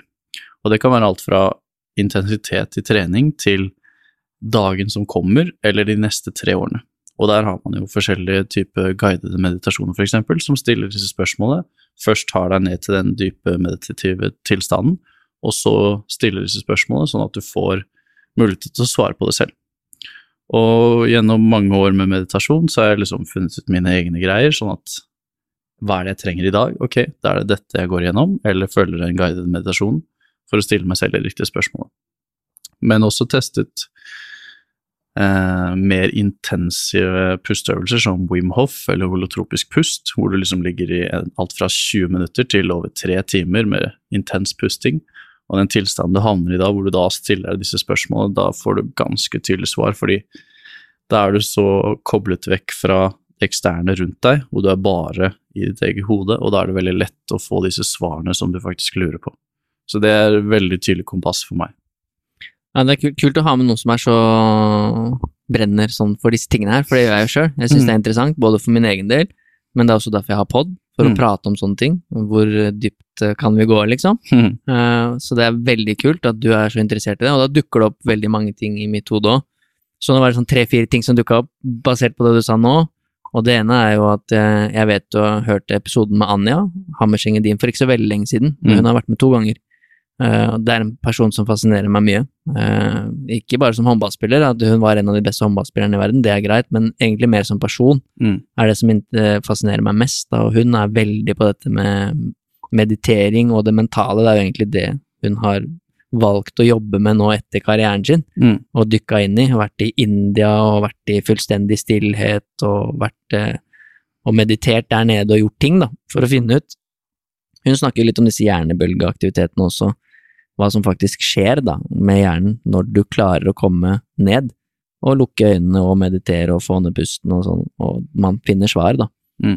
Eh, hvordan er det for deg i, eh, hva skal vi si, crossfit-verden, Mm. som er alt annet enn eh, meditativt, i hvert fall sånn utenifra. Det er liksom mye trening, mye støy, mye stress på kroppen, veldig mye folk, eh, masse Det er veldig stort på Instagram, sosiale medier, Mm. det er høy musikk, det er mye konkurranser, det er målsetninger og litt altoppslukende, egentlig. Mm. Hvordan er det du klarer å liksom å navigere og meditere, da, for eksempel? Eller skru av disse eksterne tingene? Er det liksom, gjør du det hjemme i leiligheten din, eller logger du ut av sosiale medier, eller setter du deg inn på et mørkt rom på CrossFit Oslo, eller hvordan, hvordan er det du får det til? Eller er du så god at du bare kan gjøre det midt i rommet der, mens det er fullstendig kaos rundt? Uh, mange spørsmål. Det første jeg tenker er at crossfit kan også være veldig meditativt. At du havner i din egen boble, Mm. og det å sone ut når du står der med 20 andre mennesker, kan også være da, derfor ganske meditativt, og jeg tror det er flere som driver med trening som kan kjenne seg igjen. Men så er det den intensiteten som vi opererer på der, som er så høy, og det er dunkemusikk, og det er full liksom, smelling av vekter, og derfor liker jeg kontrasten hvor det er helt motsatt. Hvor du liksom tar alt helt ned, det er helt stille, og du bare hører din egen pust eller ditt eget hjerteslag. Og det kan bli så religiøst du bare vil, men eh, for min del så handler det om at uh, finne tilliten til seg selv, og finne de svarene man har lyst til å ha uten at det blir påvirket av andre mennesker. Så det er definitivt noe jeg gjør hjemme, fordi det går ikke an å gjøre det på CFO, for det er dunkere overalt hvor du er. Ja. Jeg liker ofte å starte dagene mine der, eller eh, gjennom helger hvor du kommer deg lengst mulig unna. Og det er litt tilbake til det med balanse, at når hverdagen både på jobb og trening er å vanke i et dunkemusikkmiljø og slenge tunge vekter, så er det veldig deilig å komme seg ut av den bobla, helst ut i naturen og mest lengst unna liksom, sosiale medier-verden, sånn at du får litt perspektiv og litt overblikk, sånn at man kan komme tilbake til mandagen med nytt overskudd og er klar for å gå tilbake til rutinen.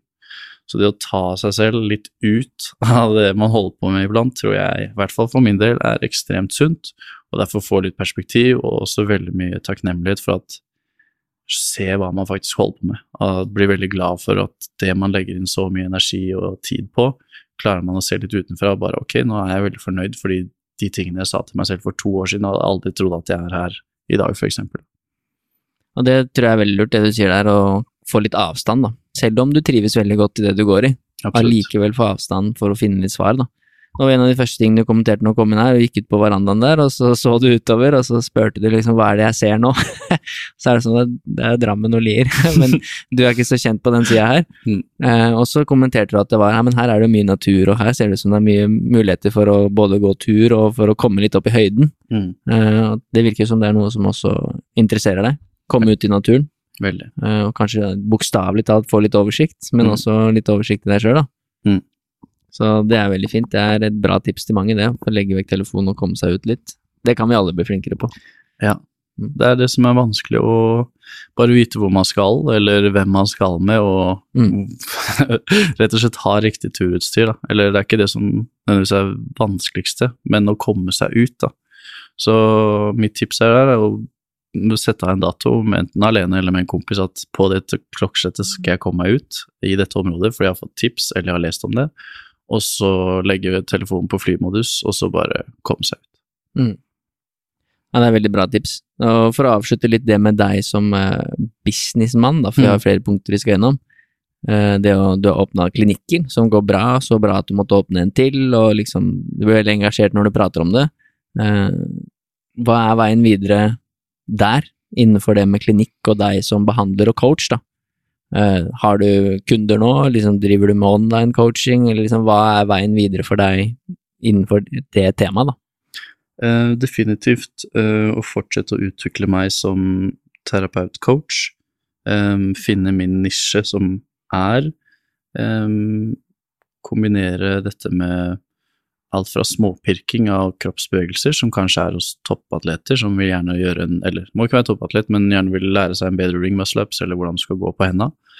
Til disse menneskene som sliter med hverdagsrutiner, som ok, du skal få trent tre dager i uken, du skal gjøre disse rutinene gjennom hverdagen og disse prioriteringene. Til eh, altså det er eh, one-to-one coaching, men framtiden å jobbe litt mer digitalt. Også langsiktig så ønsker jeg å jobbe med barn og unge for å vite eh, eller hjelpe dem til å ha en mentor, fordi det er det jeg kanskje savnet selv da jeg gikk på ungdomsskolen, og ha noen forbilder som guider en i en retning, for det er så veldig tydelig at når man er i et skolesystem, så er det 13 år, og det er den gjengen her du skal være sammen med, og det er dette du skal gjøre, og hvis du gjør noe annet, så faller du utafor. Men da finne ut hvordan du skal eh, kalle det dyrke seg selv, eller ta vare på seg selv, i den alderen som er kanskje vanskelig, da. alle er litt usikre, og hvordan du skal finne tryggheten hos deg selv. Så det med barn og unge eh, brenner jeg veldig for, å kunne lære dem hvordan man skal ta vare på seg selv, ved å lære kanskje om seg selv og da kroppen, til eh, alt med langsiktig helse, og hvordan eh, faktisk vi skal ha det bra på innsiden og utsiden. Det virker som du har en liten plan, i hvert fall noen tanker og visjoner eh, hvor du vil hen. Det er jo spennende, da. Det er sikkert mange som kunne tenke deg som coach da, etter å ha hørt denne episoden her. det vil jeg tro. Så det kan hende du får noen forespørsler nå, inn i DM-sa der. Det er bare å si fra, men det er som sagt at det er det jeg kanskje savner mest med satsingen nå, er Mm. at overskuddet mitt går kun til treningen, og jeg får ikke utviklet meg slik jeg ønsker kanskje, som coach-terapeut, men jeg får jobbet ved siden av, men og, altså det er det som er lærerikt, da. Å virkelig gå for én ting så hardt, koster så mye, men da må man prioritere annerledes. Men det er kanskje det jeg savner mest, å kunne prioritere overskuddet mitt til jobb og den biten der også. Men da kommer vi jo rett inn på neste punkt, som er deg som Nå snakker vi deg som gründer, og liksom hva du ønsker å gjøre for deg selv og businessmessig, da. Eh, Det virker som du brenner for det, og det sa du jo nå.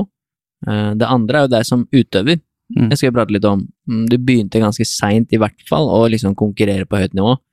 Eh, Du sa vel at den første liksom ordentlig, egentlig store konkurranse var jo i fjor, i NM. Mm. Det jo, da var du 30 år gammel, så det er, det er jo ganske seint. Mm. Så hva er Nå har du fortalt litt om hvordan du kom inn i crossfit, det var litt for mye i starten, du fikk noen skader, måtte tilpasse, gå litt ut og så komme inn igjen. Nå skal du konkurrere på det største konkurransegulvet som finnes, som er CrossFit Games. Mm. Det blir ikke noe større enn det. Eh, så hva, hva er reisen videre der? Altså, har du Virker som du er en kalkulert person, men er du liksom satt av liksom at dette skal jeg gjøre i ett år til, eller to eller tre, og så er det det jeg gjør, og så er det greit at det går utover jobben, eller er du fortsatt litt der at du ikke vet helt balansegangen, eller liksom hva er reisen videre for deg som utøver, da, Mm. på høyt nivå? Først vil jeg bare si at jeg er ekstremt takknemlig for å kunne ha den hverdagen jeg har i dag. Fortsatt være skadefri og dele det med så mye fine folk som er der oppe på CrossFit Oslo. Eh, samtidig så tror jeg etter CrossFit Games så vil det være en litt sånn ok, hva skjer nå? Eh, nå har jeg jobbet så hardt for noe, er det virkelig det jeg vil fortsette med? Gir det meg så mye glede, eller har jeg oppnådd det jeg har lyst til innenfor CrossFit nå? Og jeg har jo lenge sagt at jeg har lyst til å hevde meg blant norgestoppen og kvalifisere til CrossFit Games. Så det spørsmålet på en måte må jeg svare litt på etter jeg har eh, gjort eller vært i USA. Ehm, men veldig åpen, fordi det er absolutt en hverdag som jeg trives i.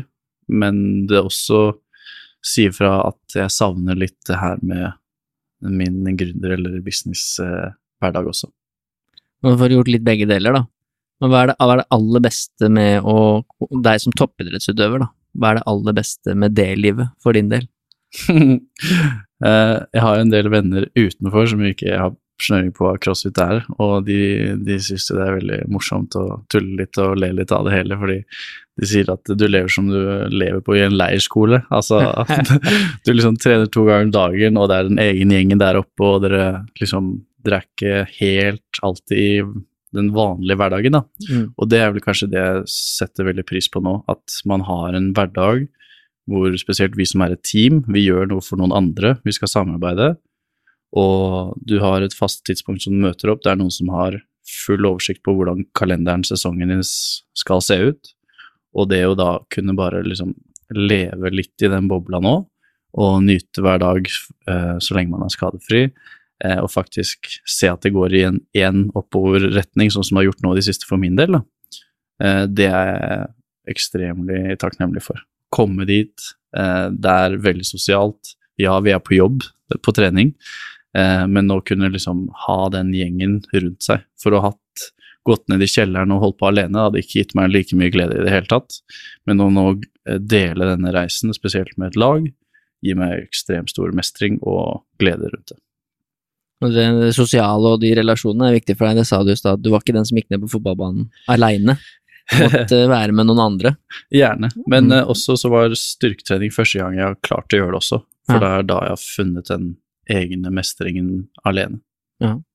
Og de to av de forbildene du nevnte i stad, Rich Froning og Matt Fraser, det er sikkert mange grunner til at de er forbilder for deg, men det er jo karer som er veldig sånn Hvor mye av mitt potensial kan jeg få ut? Mm. Det er jo liksom det som for meg i hvert fall er kjennetegner de helt ned til de grunnverdiene, da. Mm. Liksom hvor god kan jeg bli? Mm. Hvor mye kan jeg optimalisere? Altså det har kommet ut mye av Matt Fraser nå etter han la opp av alle disse rare tingene han drev med, Mm. som ingen andre gjorde Mm. disse rare redskapene han lagde selv for å trene eksempel underarmene sine, Mm. som bare ingen har tenkt på. No. Eh, Så han er veldig sånn på hvordan kan jeg få det meste ut. Er du litt lik der? Eh, For du sier jo nå at du er veldig fornøyd med din egen utvikling og ser at det fortsatt går oppover. Mm. Eh, Alder har ikke så mye å si, det er ikke det at du er gammel, men du ser at jeg kan fortsatt bli bedre. Mm. Jeg kan, det fortsatt liksom mange ting å jobbe med. Henrik sa det vel på NM der at nei, vi må hjem og bli sterkere. Det er Ja. ikke noe liksom Vi må bare hjem og bli sterkere, og det krever jo litt. Du må Mm. jo legge ned en jobb, da. Ja, nei, jeg tror jeg er litt annerledes der, fordi eh, for meg så eh, koster det kanskje mer enn jeg har lyst til i hverdagen, da. Fordi etter å ha fulgt ganske tett hva Matt Racer gjør for å få dette til, da, så er det ikke noe tvil om at han sitter i dag som fem ganger verdensmester i crossfit og kan leve på dette resten av livet sitt. Men der så vet jeg ikke om jeg hadde hatt det bra med meg selv under den prosessen, da. Og da vet jeg ikke om jeg hadde klart å gjennomføre dette i fem år, fordi det hadde ikke vært gått opp med hvem jeg er som er person og mine verdier, selv om det kanskje er eh, bra langsiktig. Og det er litt det jeg får kjenne på også nå, hva det koster å ligge på europanivå eller verdensnivå, og kjenner at jeg er veldig fornøyd um, av å være her og få det til, samtidig som jeg har den hverdagen som jeg ønsker. Og så kan det være kanskje litt sånn jeg er som hybrid, jeg vil gjerne ha begge to. Nå koster det litt mer i forhold til uh, ting jeg må prioritere, men virkelig at jeg nyter prosessen underveis, det er veldig viktig for meg. Mm. Så En laidback crossfitter på høyt nivå, Ja, hvis du om- kalle det det. selv om du legger ned jobben, selvfølgelig. Ja, så jeg vil nok ikke si at det, det er ikke det som trigger meg mest, å bli verdens beste crossfitter. Da ville jeg gjort veldig mye annerledes. Men det å ha det bra og se tilbake på det her som en, liksom, en periode i livet mitt hvor jeg ja, hatt det veldig fint, og ting har gått sånn som jeg ønsket, det samtidig som man hele tiden pusher seg selv, er vel kanskje den balansen jeg har lyst til å få til. Og det virker jo som du får til ganske bra. jo, takk. I begge deler. Så det var jo det neste punktet, og det, det har vi jo egentlig prata om nå, fram og tilbake. Det er jo den balansen, liksom, innenfor crossfit. Mm. Så det har du sagt litt nå om deg selv, da, liksom sånn Nå er du toppidrettsutøver, det er kult, du trives veldig godt med det, men det går såpass mye utover andre ting også at du kjenner litt på det. At jeg får ikke utvikla meg så mye som coach. Jeg får kanskje ikke lest så mye, jeg får ikke studert mer, jeg kan ikke dra på de kursene, whatever, hva det måtte være. Mm. Eh, fordi jeg må trene to ganger om dagen, og jeg må hvile så og så mye og, Mm. for å kunne komme til games, da. Så begge er kule, men de òg ødelegger litt for hverandre Mm. begge veier, da. Hvor du jobber med den balansegangen. Men det jeg ønsker å prate om også, er jo en balansegang som vi snakka om i stad, som eh, for om det er en på toppnivå, eller om det bare er en som vil bruke crossfit som treningsform, eller konkurrere kanskje litt lavere skala. Mm. Hvordan få til den balansegangen der med å liksom pushe, bli bedre, men ikke skade seg og gå i stykker, da. Mm. Det er et evig spørsmål innenfor crossfit, fordi mange utenfor er jo litt sånn med crossfit burde du bare skada, og er du kan ikke drive med det, det er farlig, liksom. Og det er til og med behandlere som sier at det er farlig, kanskje litt de eldre, da. Mm. Som er sånn, det må du ikke drive med, og sånn og sånn. Eh, og jeg er veldig, brenner jo av, det er jo det jeg jobber med. Mm. Så for meg er det mer sånn, men, men det er jo ikke crossfit som sport, som jeg sier til folk, som gjør at det er farlig, det er jo at du gjør ting du ikke kan, for å sette det på spissen. Mm. Så du må liksom lære deg det først, og være tålmodig, og så kan du øke intensiteten eller vekten eller hva det måtte være. Mm. Men du må sånn kunne det her først. Så det er ikke sporten det er noe gærent med, det er jo eventuelt deg eller coachen eller de som på en måte guider deg da, rundt. Så det er et sånn evig tema. Hvordan er det for deg, den, fordi du brenner jo for dette med skulderhelse og helse generelt, og det å på en måte ha en kropp som er optimalisert, da, og ikke går i stykker. Mm. Som du også har erfart sjøl, at du ble litt skada når du var Ja. litt ivrig i starten. Nei, det er eh, litt morsomt, fordi da med nye kunder spesielt, da, så altså scraper alt ned til helt basic. Og de er sånn, hvorfor skal jeg gjøre det her? Det er sånn, ok, eh, hvor lenge har du hatt vondt i den kroppsdelen der? Eh, Ti år, ok. Hvor ofte får du vondt i den? Eh, Et par ganger i måneden, ok. Dette er grunnen. Altså, hvis man har noe som hindrer en for naturlig bevegelse, og det skader, skaper en skade, så er det der jeg med veldig bakgrunn innenfor naprapati kan kombinere treningen, da. Problemet her er hvis du har eh, spesielt menn, 40-årige, som har lyst til å komme i tidenes form, som ser at det er noen ved siden av dem som løfter 10 kg ekstra, da legger man på 10 kg ekstra. Men det her er liksom å trene smart, da, og vite at uh, du skal holde på in the long run. Og det er vel kanskje den viktigste jobben min, da, både som coach og naprapat, å klare å forklare dette begrepet, og hvordan man skal gradvis jobbe for hvis du alltid skal ned i kjelleren, så er det blytungt å trene, og du kanskje vil slite deg mer ut enn du vil bygge muskler eller restituere deg inn. Sånn at eh, det handler ikke om nødvendigvis, igjen, tilbake til det med mer, mer, mer, mer hele tiden, men klare å forstå at det du gjør nå vil ha større verdi enn en som trener sju timer om dagen fordi du klarer å hente deg inn, og du klarer å kombinere alt det du vil ved siden av også. Så det, ettersom crossfit er såpass ny sport, så begynner det å komme nå litt forskning på hva som er riktig antall mengde og volum, og hva som kroppen trenger og ikke trenger, da. Sånn at vi klarer å liksom forklare det mer tydelig i forhold til grafer. Eh, men derfor også skape den tilliten som coach naprapat til mine kunder på at dette her holder mer massevis, og så klarer de å se smerte forsvinner og muskel eller utholdenhet øker. Ja, det er jo et eh, evig liksom, spørsmål eh, for oss som coacher ved daglig basis, både individuelt og duoteamer og grupp, mindre grupper og større grupper. Mm. Vi har jo ofte 10-15 stykker i en time, ikke sant, crossfit-time, og det er vanskelig å skulle gi disse tipsene til alle, Mm. men du må jo selvfølgelig som coach prøve å plukke opp ting. Mm. Hvis du ser at folk ikke beveger seg bra, eller at de går for hardt, eller at de alltid liksom ligger på ryggen etterpå, men så er det noen som liker det òg, som vil det, Mm. men så er det ikke bra for dem, for de går i stykker. Det er bare et tidsspørsmål før de nå skader seg, så hva er liksom de konkrete tipsene dine her? Jeg sender jo mange av mine til behandlere som jeg stoler på, som jeg kjenner at liksom Mm. Gå dit først nå, Ja. få en screening av den skulderen der, uh, finne ut liksom litt mer hva det er, og så kan vi prøve å legge en plan liksom Mm. etterpå, da, med liksom hvilke bevegelser som er greit å gjøre, og hvilke bevegelser det ikke du skal gjøre akkurat nå, og så Mm. da også hvilke timer kan du gå på, hvilke timer kan du ikke gå på, Mm. men dette er jo liksom Jeg søker hele tiden etter svarer og kompetanse for andre, for dette er jo ikke én måte å gjøre det på, no. men det er jo en evig utfordring for alle som driver med crossfit, eh, bokser og trener folk i gruppe, da. Nei, det er jo fordeler med litt kompetanse i forhold til hva som er godt for kroppen, eh, enten som crossfit-coach eller hva det skal være for noe, å se individet for hva den trenger, men eh, også klare å bygge den tilliten til å forklare at den intensiteten som du ser oss kanskje på eh, konkurranser eller når vi ligger i sone fem, det utgjør mellom 6 til 9% av treningen vår. Det er veldig lite at vi er i den intensiteten der. Sånn at hvis du hele tiden tror at du skal ligge i sone fem og dø hver eneste økt, så vil det faktisk ikke gi deg den positive eh, veksten som du faktisk søker, da. Eh, og du vil være sliten, og du kanskje kan utvikle flere skader, sammenlignet med det å ha det litt mindre eller vondt underveis, og kanskje kjenne på en gradvis mestring, for du hele tiden blir bedre, for du klarer å observere ting annerledes enn å bare gå rett ned i kjelleren. Så det kanskje gjør dem litt mer bevisste på hvordan de håndterer, altså lære seg pacing, det var det som tar lengst tid i crossfit. Hvordan ser den økten her ut, hvor er det det er slitsomt, hvor kan jeg pushe, hvor kan jeg hente meg inn igjen. Så rett og slett lære dem litt, det er rent spesifikt crossfit, da, men Ja. eh, litt bevisstgjøring. Det er det vi prøver å jobbe med hele tiden, å forklare liksom stimuli på økta. Dette her er liksom fokuset på dagens økt. Det er sone to. Dette her er sone to. Det betyr sånn og sånn. Og så tar det ti minutter, så ser du folk bare du er ikke sone to lenger, du er høyt oppe i fire, nå er det snart over. Mm. Det er en evig utfordring, Mm. men uh, veldig spennende, da.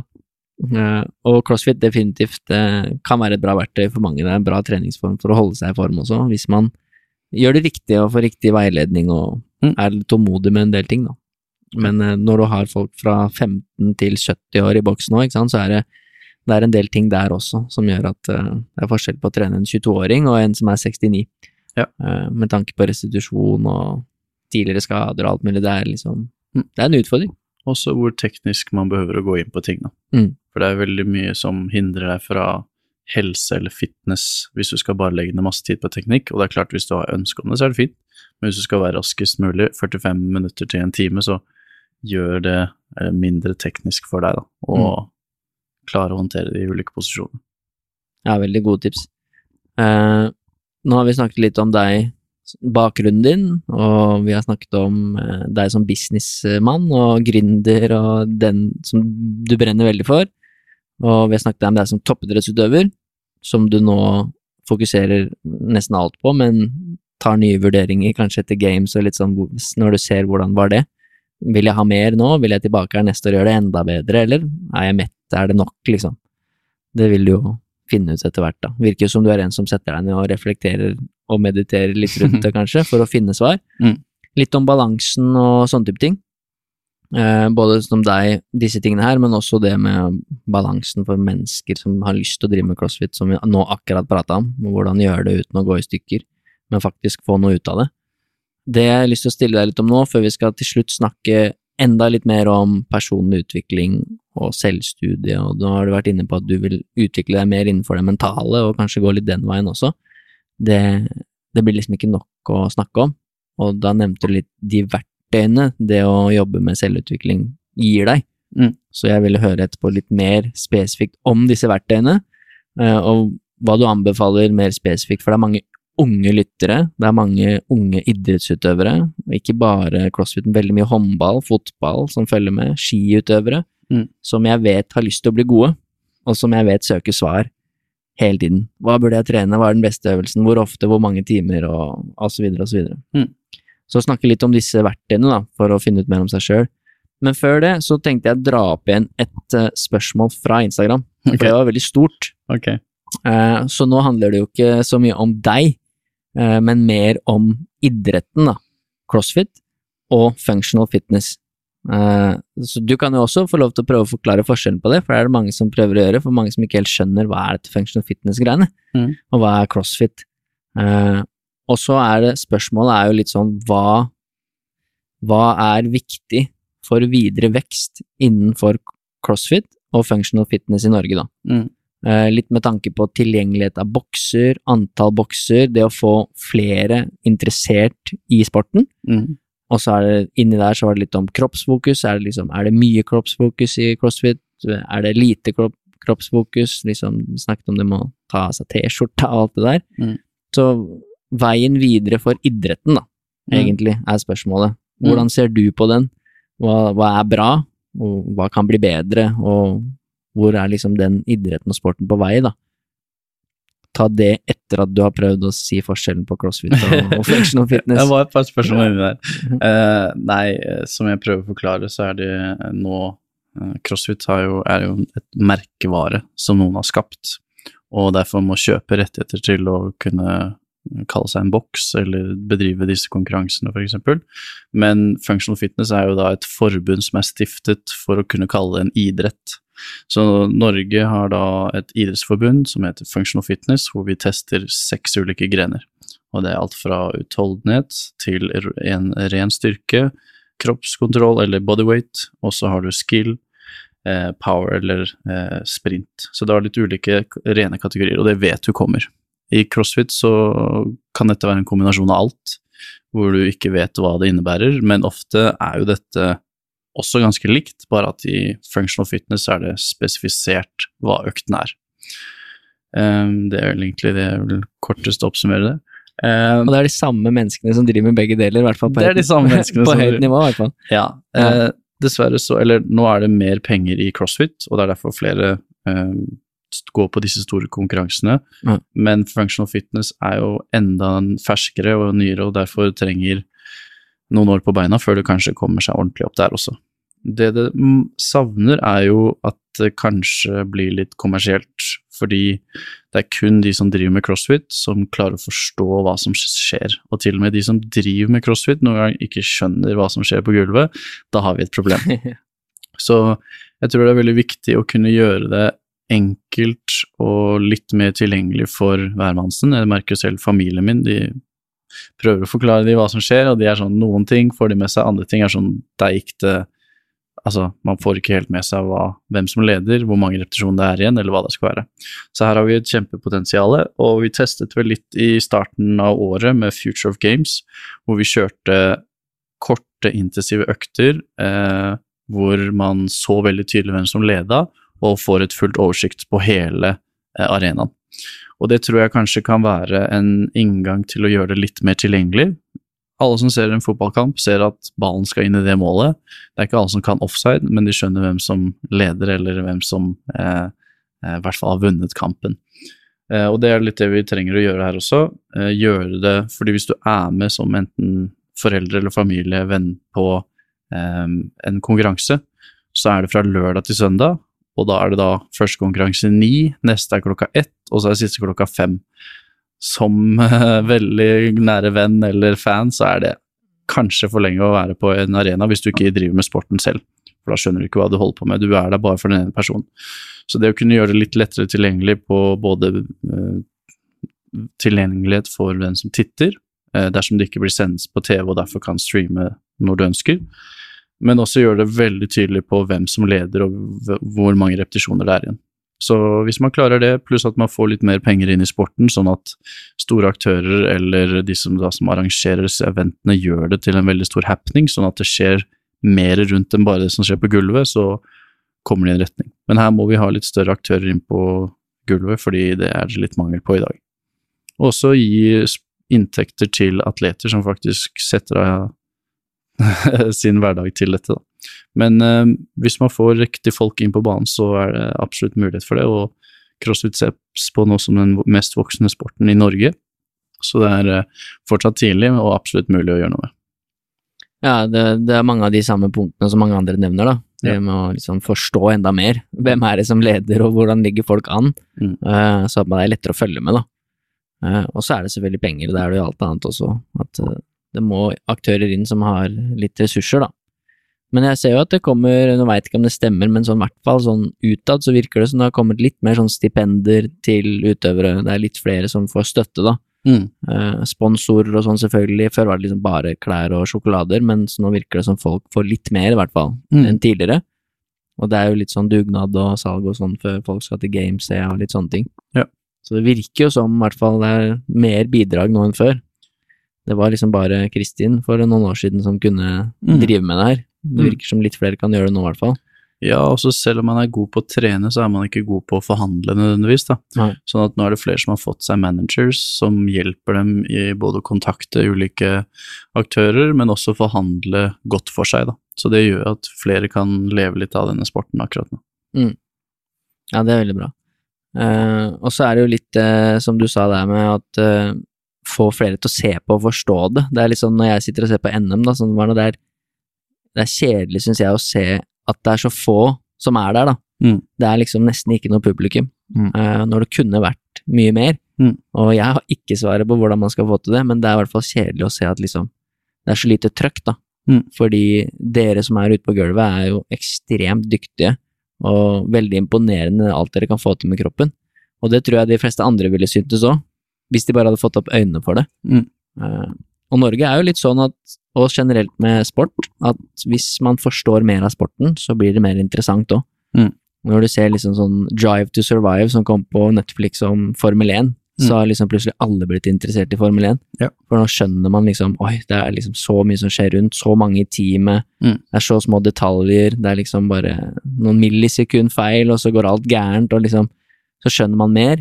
Mm. Og det har kommet også om bryterserien i Norge, Hodet i klemme, så ble plutselig det veldig populært. Mm. Også fordi det var litt karakterer der, Mm. ikke sant. Så jeg føler jo også at CrossFit mangler litt det, Mm. og functional fitness. Ja. Ikke om det ikke er en serie, i hvert fall liksom få, få det litt mer ut, da, så flere kan se det og skjønne, ikke minst alt det dere legger ned av trening, da. Ja. Fått litt innblikk der, i liksom hvor ofte er det faktisk Henry går og trener, og hva er det han driver med i de fem-seks timene han trener om dagen. Mm.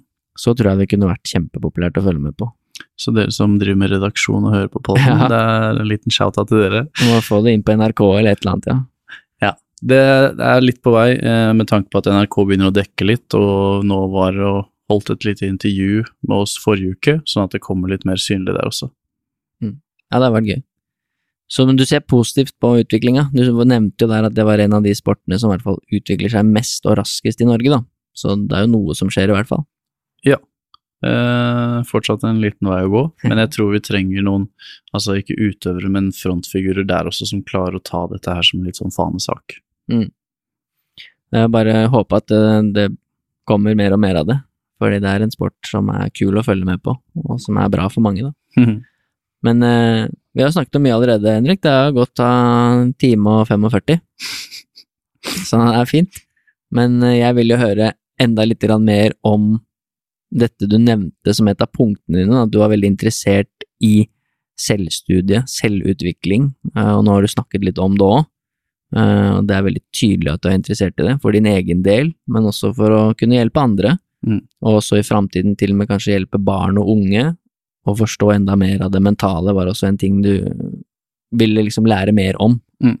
Kan du si mer om den reisen der, før vi skal snakke om disse konkrete verktøyene som du skrev du liker verktøyene det leder til, da. Mm. jeg Mm. tenkte vi skulle snakke om litt til slutt. Men eh, når du sier at du vil utvikle det mentale, for eksempel, er det å ta mer utdannelser innenfor det, eller er det bare å lese om det, eller høre podder, eller begge deler? Ja, for min del nå så begynte jeg på en utdannelse innenfor psykologi, Ja. eh, som jeg da tok fulltid i år og hadde fire eksamener nå i mai, ved siden av det lille I tillegg til det andre du driver med. Ja, så jeg var sånn ok, Henrik, nå, nå var det mye. Men uh, veldig mestring da, hvor uh, den følelsen da når vi kvalifiserte til games, alle eksamene var fullført, og det hadde gått rundt uh, i forhold til jobb og økonomi, så var jeg sånn ok, nå Ok, det var mål for i år. Så Men det, det min, mitt ønske med dette var jo å forstå litt hvordan det er bygd opp, og psykologi ga meg et lite innblikk av kunne skrive akademiske tekster til hvem er som er liksom founding fathers, og hvilken retning går vi. Og det er jo studert mer de siste ti årene enn noensinne før dette temaet også, på hva som faktisk skjer, og vi går mer og mer inn på hva som skjer inni for hjernen. Så jeg har vel forstått at de temaene som jeg har lyst til å, eh, å brenne for, er de bøkene jeg kommer til å fortsette å lese også, ikke nødvendigvis ta et fullt studie i det her, men hvilke bøker anbefales innenfor dette når det kommer til eh, forståelse av sine egne emosjoner og hvordan det påvirker kroppen, til hvilke verktøy vi kan jobbe med, eh, som jeg virkelig brenner for, da. Men eh, da må man forstå oppbygning av kanskje hjernestruktur for å kunne forklare det enklest, så er den reisen der jeg har lyst til å hoppe litt dypere inn i. Da kunne forklare hvordan kroppen fungerer, men også hvordan hodet bedre fungerer. Sånn at man kan forstå seg selv, og derfor hjelpe andre enda mer. Eh, og Når man går inn da på verktøy, så er det jo ikke noe tvil om at trening er et ekstremt verktøy for hvordan man skal eh, ha det bra med seg selv. Men også, det er ikke alltid trening er det lettest tilgjengelige verktøyet man kan bruke, eller passer her og der.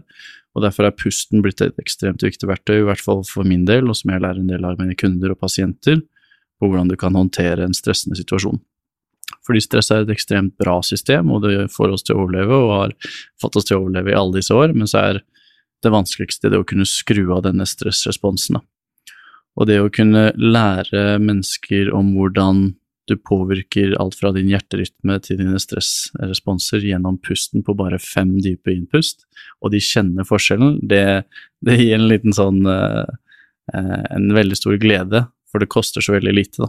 Og det er ofte jeg spør hva gjør du når du havner i en stressende situasjon, eller opplever deg selv som stresset, og da sier de ofte nei, da tar jeg en tur på hytta, eller går i skogen, og sånn. Ja, men det er veldig fint. Men du sitter i møte, og du kjenner på en uro, panikk, eller kroppen din tar over, hva gjør du i den situasjonen der, da? Og da eh, lært av annet Andrew Huberman, som er en neuroscientist som har sin egen podkast, hvor han snakker om double inhale, eh, exhale. Hvor du da puster to ganger inn gjennom nesen, hvor på den måten så fungerer lungene dine som en ballong, hvor du fyller først ballongen, og for å få enda mer oksygen inn, så tar du et dobbel inhale, eller inhalering. Eh, og da får vi også med den nederste tredjedelen av lungen, som gjør at vi får inn mer oksygen i hele kroppen. Og kun på fem innpust gjennom dette så klarer man å senke blodtrykk og disse stressresponsene på såpass kort tid. Og dette kan da gjøres enten når du er helt alene, den lyden jeg nettopp lagde, ganske høy lyd, eh, men derfor vil påvirke systemet ganske fort. Men det kan du også gjøre i settinger hvor du er omgitt av andre mennesker, helt lydløst også. Ingen som reagerer på måten du puster, for du kan gjøre det helt lydløst, og du kan selv aktivere eller dempe den stressresponsen i kroppen din. Og med hvordan verden utvikler seg nå, på at det hele tiden er en forventning til oss, eller sammenligning, eller hvordan vi skal oppføre oss i ulike settinger, så skaper det mye uro i kroppen, og det å da kunne på sekundet påvirke hvordan den responsen i kroppen endrer seg, eller du tar styringen over det, er noe av det viktigste, i hvert fall jeg synes, og som jeg jobber veldig mye med mine pasienter på. Hvordan man kan ta tak over sin egen kropp da, og fysiologi. Ja, det syns jeg er veldig spennende. Og enda mer konkret, da. Det gjelder egentlig Jeg liker jo Det er derfor jeg er på det, jeg liker å dykke inn i ting. Mm. Men jeg liker også å prøve å få noe konkret ut av det. Mm. Uh, uansett hva det måtte være. Hvis du har en coach som skal hjelpe deg med snatch, så vil du gjerne ha noe konkret. Mm. Ikke bare liksom prat rundt hva snatch er, men bare helt konkret. Du må stelle deg litt breiere, eller du må holde litt smalere, eller hva det måtte være. Bare sånn veldig konkret. Og det tror jeg er litt sånn mangelvare på det mentale. Det er sånn, nei, du må bare finne roen, og du må liksom bare sant, finne svarene i deg selv. Så er det sånn, men hvordan Mm. Mm. skal jeg gjøre det? Ja. Skal jeg jeg gjøre disse pustebevegelsene, for eksempel? Mm. Skal jeg sette meg i et mørkt rom? Mm. Skal jeg, hva skal jeg gjøre for Mm. å få det til, da? Så det var det jeg ville utfordre deg litt på nå, er nå å si fem verktøy, da, som innenfor dette, med liksom seg selv og sin personlige utvikling, Mm. og liksom finne svar, da, på hvor er jeg, hvor vil jeg, og Mm. sånn.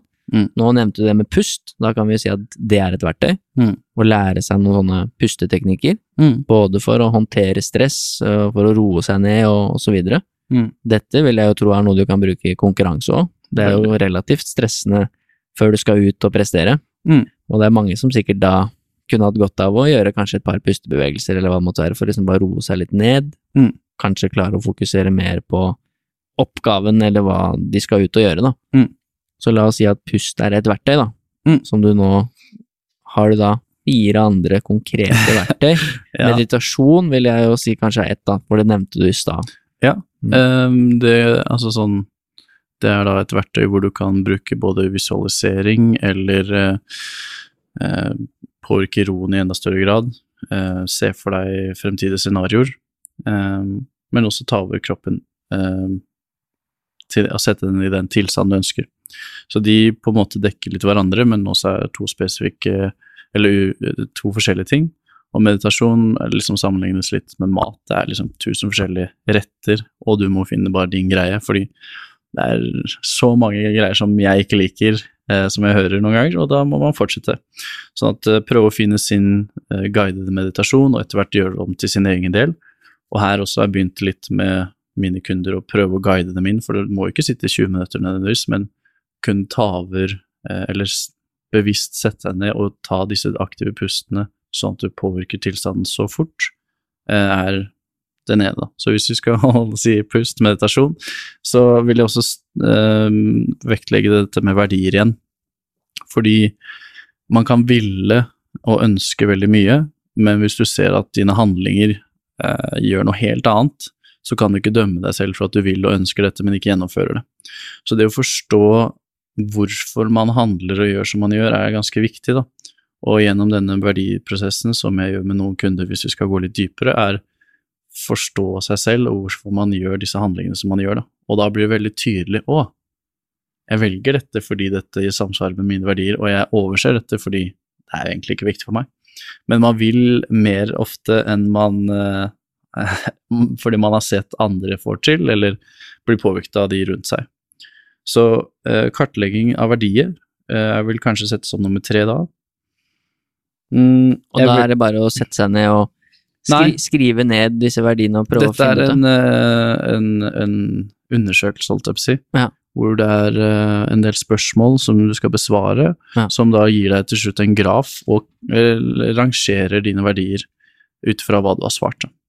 Så det å kunne kartlegge dette, og dette vil jo også forandre seg ut ifra hvilken epoke du er i livet også, men derfor gi deg et veldig tydelig svar hva som er viktigst for deg nå.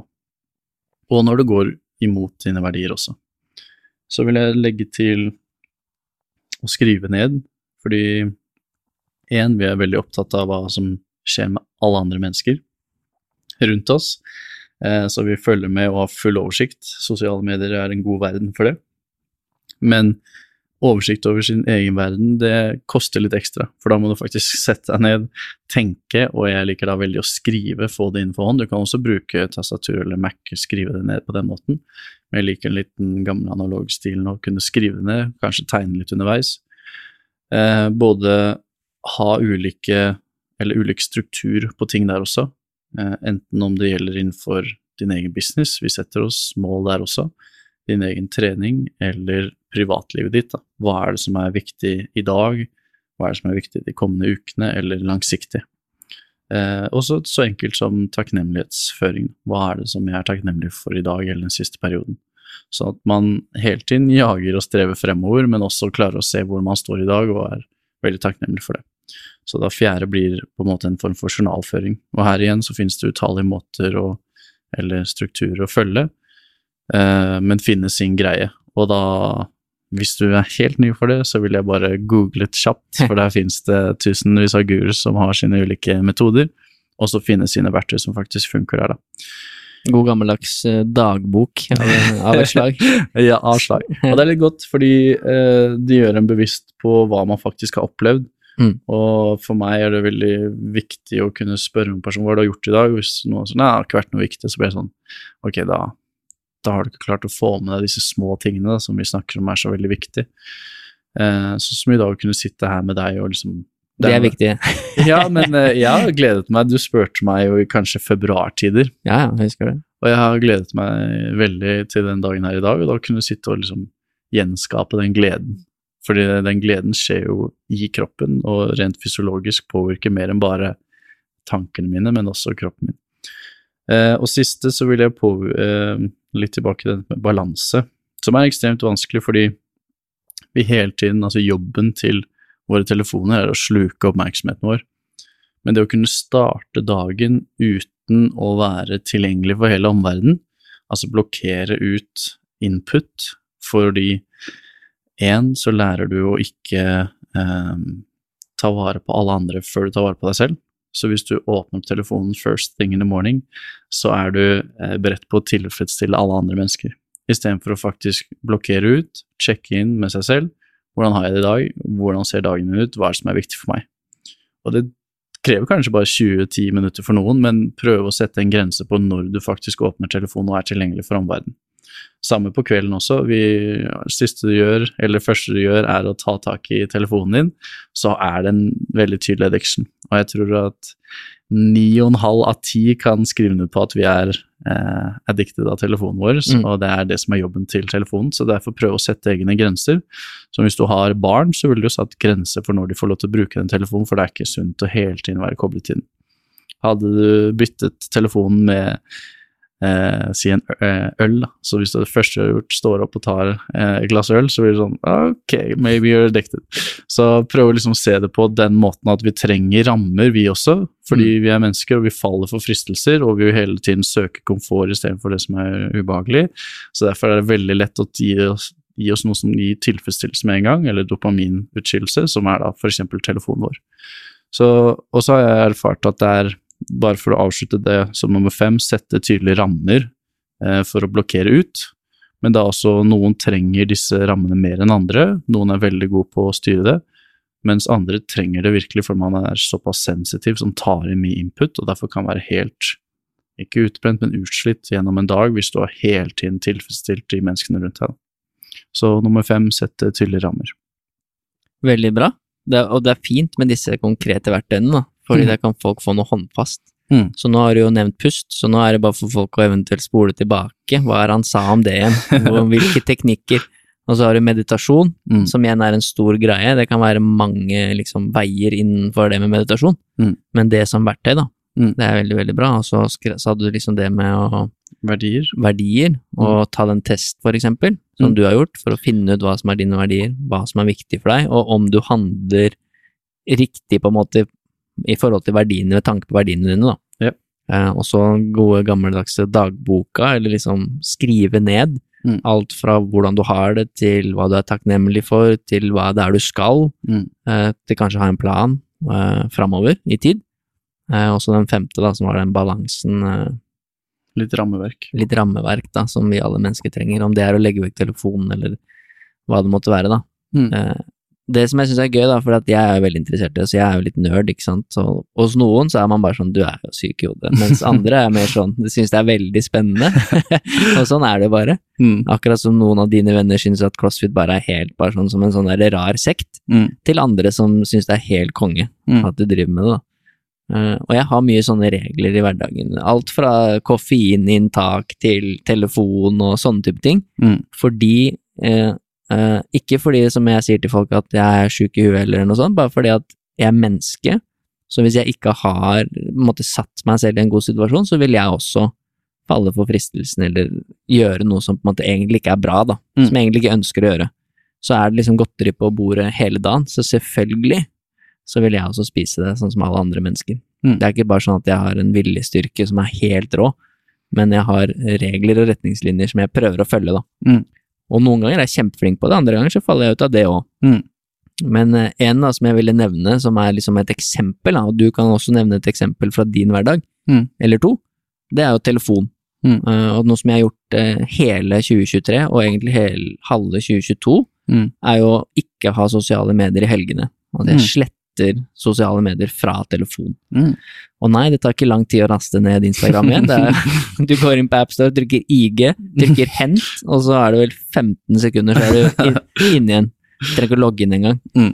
Uh, så jeg bare fjerner det fra telefonen. Mm. Uh, det er den ene, fordi at da er det ikke der. Eh, hvis jeg får den der bare ta opp og sjekke telefonen, som man kan få helt bare sånn uten at man egentlig tenker over det, Mm. så er det ikke noe å sjekke, da. Mm. Eh, så jeg prøver å sette meg sjøl i en bedre situasjon, og det funker veldig bra for meg. Mm. Og det er jo litt tilbake til det du med sammen verdier, Mm. som jeg også har litt nerd på har skrevet ned og sånn, at en av de er venner, relasjoner, nære relasjoner, da. Om Mm. det er venner, familie, hva det måtte være. Eller hunden som ligger der ute. Mm. Så er det sånn, det er ofte helger hvor det skjer en del sånne type ting. Eller kvelder, og da har jeg ikke lyst til å måtte ha telefonen der.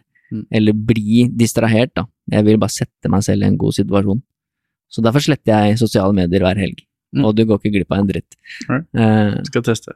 og en annen er at jeg ikke tar den med hvis jeg skal ut og spise med venner, eksempel. Mm. Den ligger i bilen eller et annet sted. Og det er bare for at da er det ikke noe å sjekke. Mm. Og da er det mye enklere, i hvert fall for meg, da, å være til stede. Mm. Og da setter jeg mer pris på det etterpå også, enn hvis jeg bare har tankene mine et helt annet sted. Mm. Eh, Men det er jo som vi lærer våre barn å ha Altså, barn trenger rammer, og det trenger vi også. Ja. Og hvis ikke det er det, så bare sklir ting ut, uansett som du sier, hvor god viljestyrke du har. Så hva er dine, hvis du har et par ting fra ditt liv, da har du noen sånne regler eller ting du gjør som er sånn Nå har du nevnt mange sånne, Mm. at du mediterer og, og du jobber med pust og sånn, eh, som er kjempefint, men har du noen sånne andre konkrete sånn hverdagslige eksempler som folk kan kjenne seg inn i? Um, det er jo vel um, Altså, første timen og siste timen som jeg prøver på, da. Eh, mest første timen, bare fordi eh, koffeininntak, som du er inne på, vet at eh, den dippen som kommer senere, eh, blir større. Har både erfart det og lest masse om det, sånn at første time så unngår jeg koffein. koffein. Eh, samtidig prøve å holde meg unna ekstern stimuli. Og samme med iskalde dusjer. Iskalde dusjer gjør at du utskiller 2,5 ganger dopamineffekten i forhold til baseline, og sammenlignet med trening som er to ganger, eller kokain som er 2,5 grad. Da. Sånn at uh, kokain kan du få en ekstrem dopaminkick, men fallhøyden er så stor så fort den effekten er ute, mens i iskalde dusjer så har du den effekten opp til tre timer, da, hvor den til slutt lander på baseline igjen. Så ved å gi meg disse fortrinnene ved at uh, en feel good dopaminkick varer såpass lenge, gir meg, som er ganske i tune med min kropp, uh, ganske stor fordel. Så skjer jo ikke det hver dag, men disse dagene hvor jeg kan rett tilrettelegge sånn at ok, jeg starter dagen med uh, vann, kreatin og litt salter, mediterer og dusjer, og venter til koffein med koffein og input fra hele verden, så har jeg en veldig god start på min dag. Kult. Iskald dusj er også noe jeg har begynt å eksperimentere med i år. Det funker veldig bra. Og jeg fikk seinest spørsmål for to dager siden, og det husker ikke hvem det var, men som sa liksom hva er egentlig greia med kalddusj, og det er så populært, er det egentlig noe effekt? Og da forklarte jeg bare min effekt og viste til noen forskninger og sånn, da, som Mm. jeg har hørt, men dette er liksom det jeg opplever, og det er det som du sier, du opplever nesten at du blir litt sånn høy Mm. etterpå, Mm. og det varer ganske lenge. Mm. Og for meg har det vært kjempebra å gjøre det sånn før programmering, som jeg gjør en del, da, fordi Mm. at uh, jeg får bedre fokus, Mm. og det varer lenger, da. Eh, kanskje to-tre timer, som du sier. Og så får du kanskje ikke den uheldige dippen da, som Mm. du får av koffein og Noco og kaffe og alle andre ting. Men koffein, jeg skal ta deg på den. Jeg er dårlig på det den første timen, og det er rett og slett fordi jeg er så glad i kaffe. så det kan jeg være bedre på.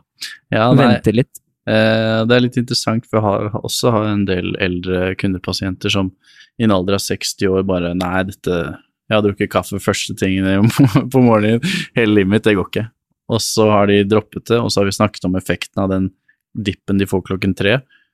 Og så klarer de å si 'jeg har sluttet med det', og nå kjenner jeg at den dippen ikke er der, så blir jeg sånn ok, da, da kan du bestemme hvilke dager du ønsker at det skal være, da. Fordi Ja. selvfølgelig er det deilig med den kaffen på morgenen, og noen dager så skal du gjøre det også. Men uh, litt tilbake til disse rammene, da. Og hvis du har litt andre ting som du skal gjøre, som du sier, da, du skal faktisk ta deg en dusj, og du skal kanskje meditere, og du skal, for meg da, gå tur med bikkja, så, så går det fort en time òg, Mm. med litt andre oppgaver.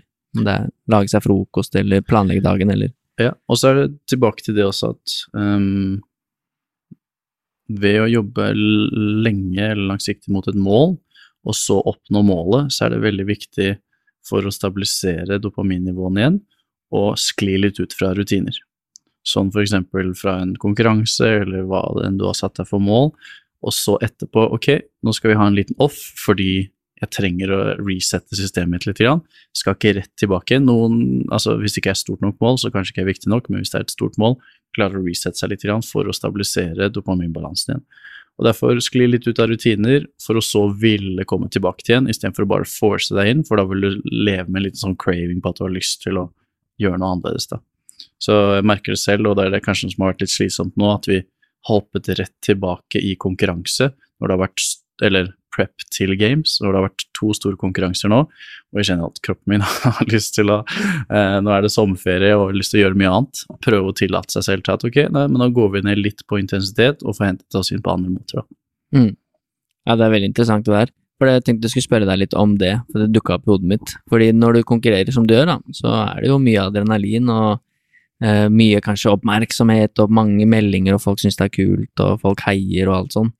Eh, har du merka noe på det etterpå, liksom at, som du sa det jo litt om det, da, at du har liksom vært veldig høyt oppe, og det kan mange kjenne seg igjen i, tror jeg. Og så kommer du tilbake til hverdagen hvor det kanskje er stille, og det er ikke så mye som skjer, det er ikke så mye oppmerksomhet, at man får en sånn liten fall, eller sånn down. Ja, Jeg tror mange artister snakker om det òg, at når du liksom har liksom hatt en stor konsert, og så kommer du hjem, så blir du nesten deprimert, da, for at det har vært så intenst, masse adrenalin, og så kommer du hjem, og så er det bare Mm. helt ned.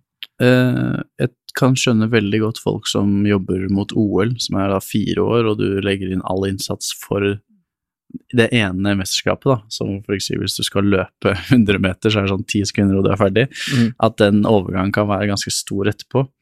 Eh, derfor syns jeg det er viktig at man kan ha litt andre ting å ikke nødvendigvis falle tilbake på, men andre gleder i hverdagen også.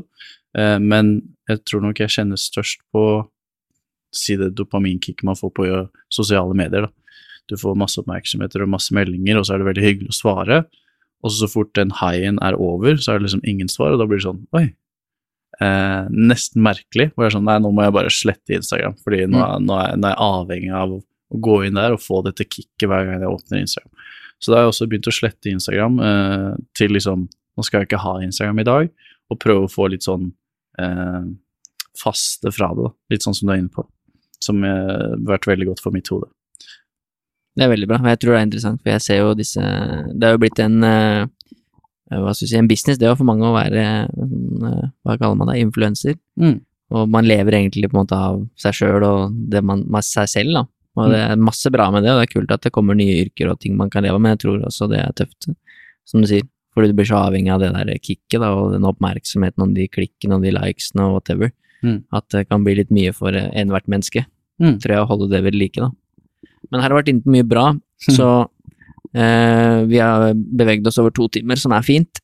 Det er en eh, skikkelig kul eh, episode. Jeg tror eh, vi må ha noen andre samtaler òg. Det var kult å prate med deg. Man deler mange interesser som har vært interessant å høre mer om.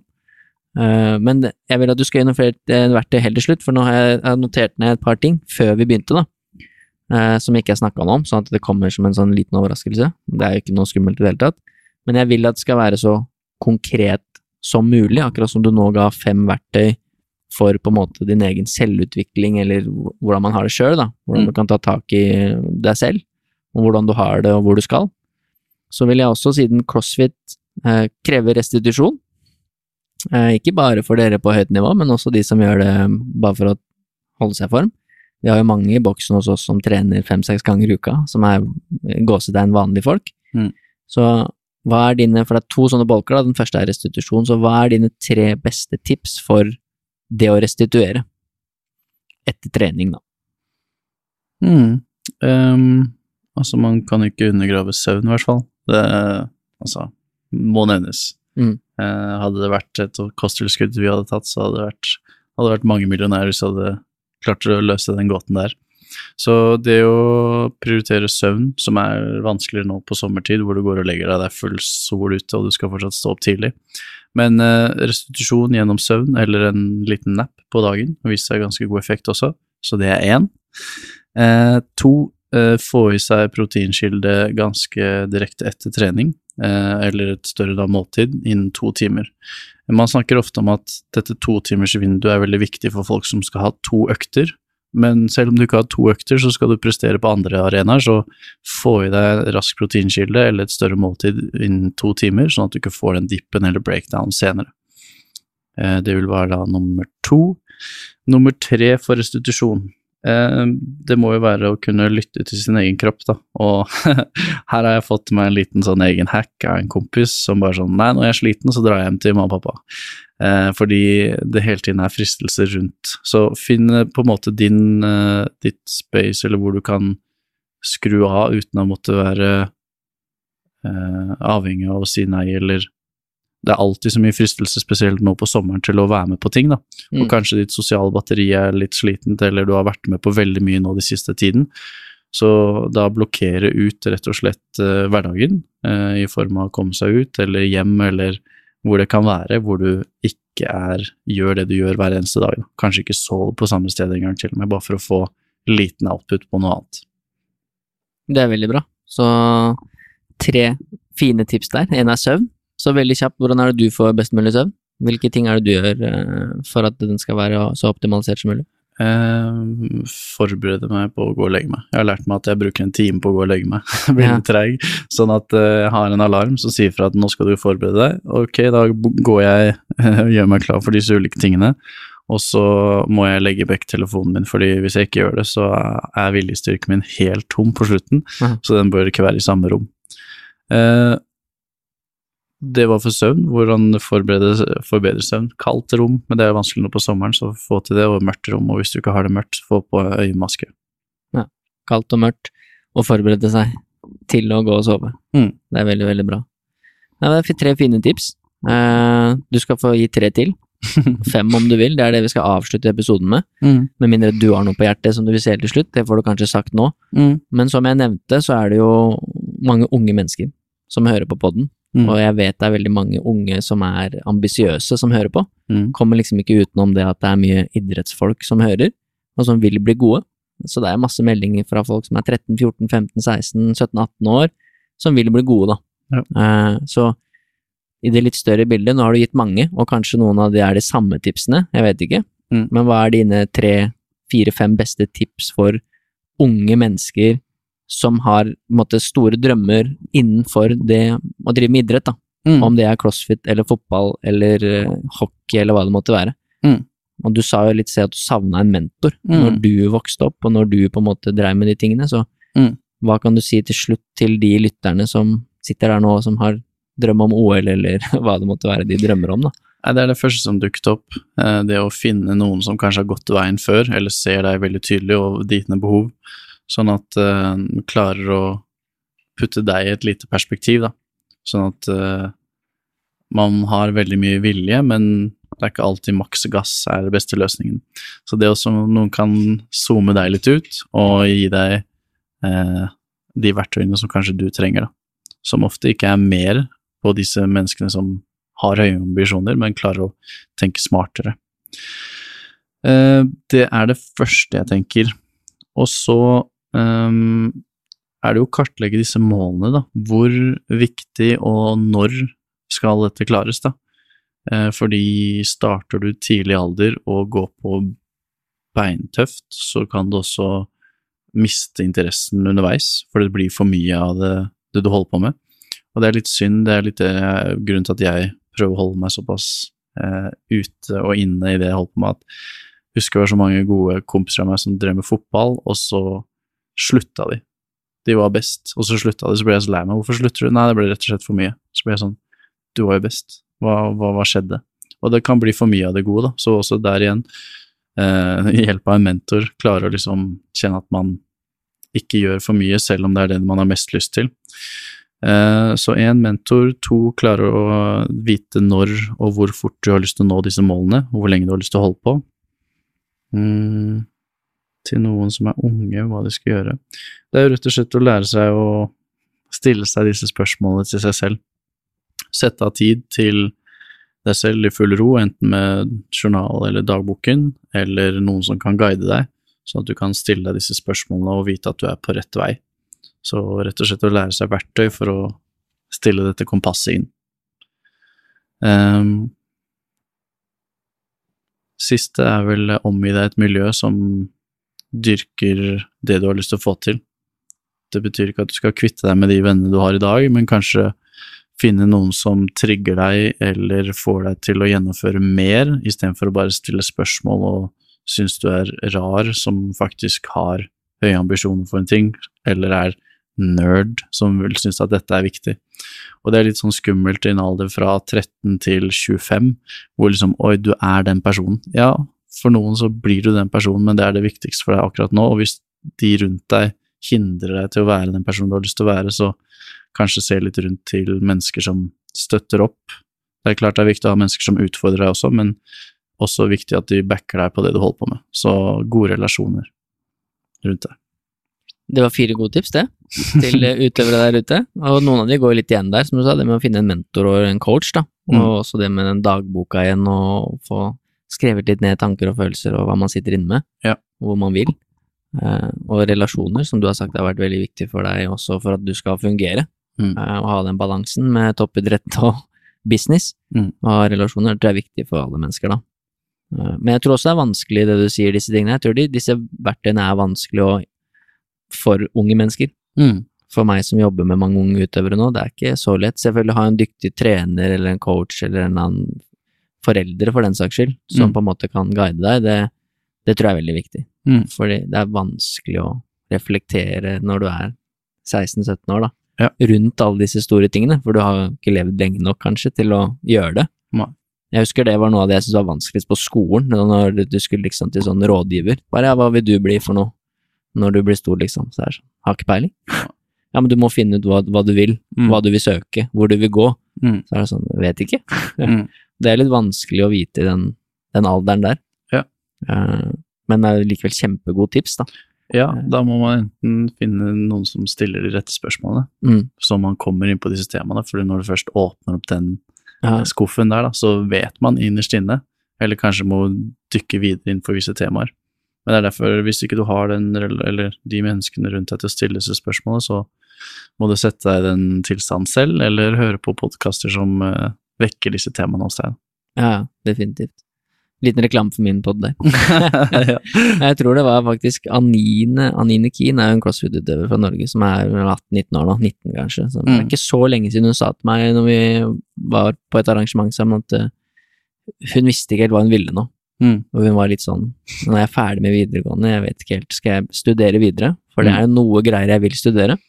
Skal jeg jobbe og bygge meg hus, for det vil jeg også? Mm. Eh, eller skal jeg reise liksom rundt på sånn backpacking verden rundt, eh, for det hadde du lyst til? Eller skal jeg satse crossfit, for jeg vil egentlig det òg.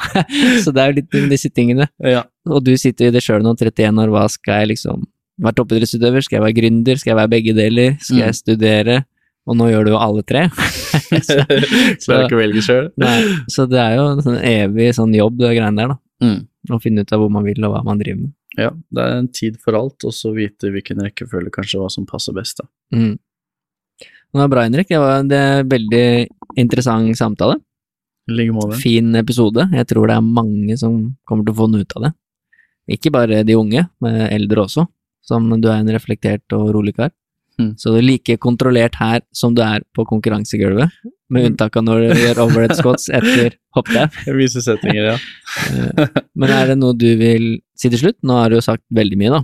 Mm. Eh, Men eh, det var en super episode. Ja, nei, jeg heller takke for muligheten til å få være med på podkasten. Syns det er utrolig stas og eh, veldig hyggelig å bli spurt. Mm. Så takk for det. Det er det samme. Gøy at du ville stille opp. Har du forresten noen, eh, noen du anbefaler skal være med? Er det noen interessante mennesker som du kjenner, som burde vært med? Du nevnte jo blant annet Nico. Det har vært eh, spennende å høre litt eh, hans hode, Mm. og hvordan han har sett for seg Han har holdt på og konkurrert i mange år, så han er vel kanskje første som dukker opp der. Men det er også interessant, du som er innenfor treningsbransjen, at det er litt forskjellige treningsprofiler, så man får et lite innblikk i andre sporter også. Ja, det er masse, masse interessante sporter. Mm. Matt Fraser og Rich Froning hadde jo vært veldig Ja. veldig ålreit å få med. Ha et par andre, da, hvis du setter lista der. Jeg tror det blir vanskelig. Men Nico det jo, skal man i hvert fall kunne spørre. Mm. Det er det mulighet for. Får se om han ønsker å stille opp. Men eh, takk for at du var med, i hvert fall, og så håper jeg du blir fornøyd med episoden, og at du hører han sjøl. Spennende. Tusen takk for at du har satt av tid til å lytte. Det setter jeg stor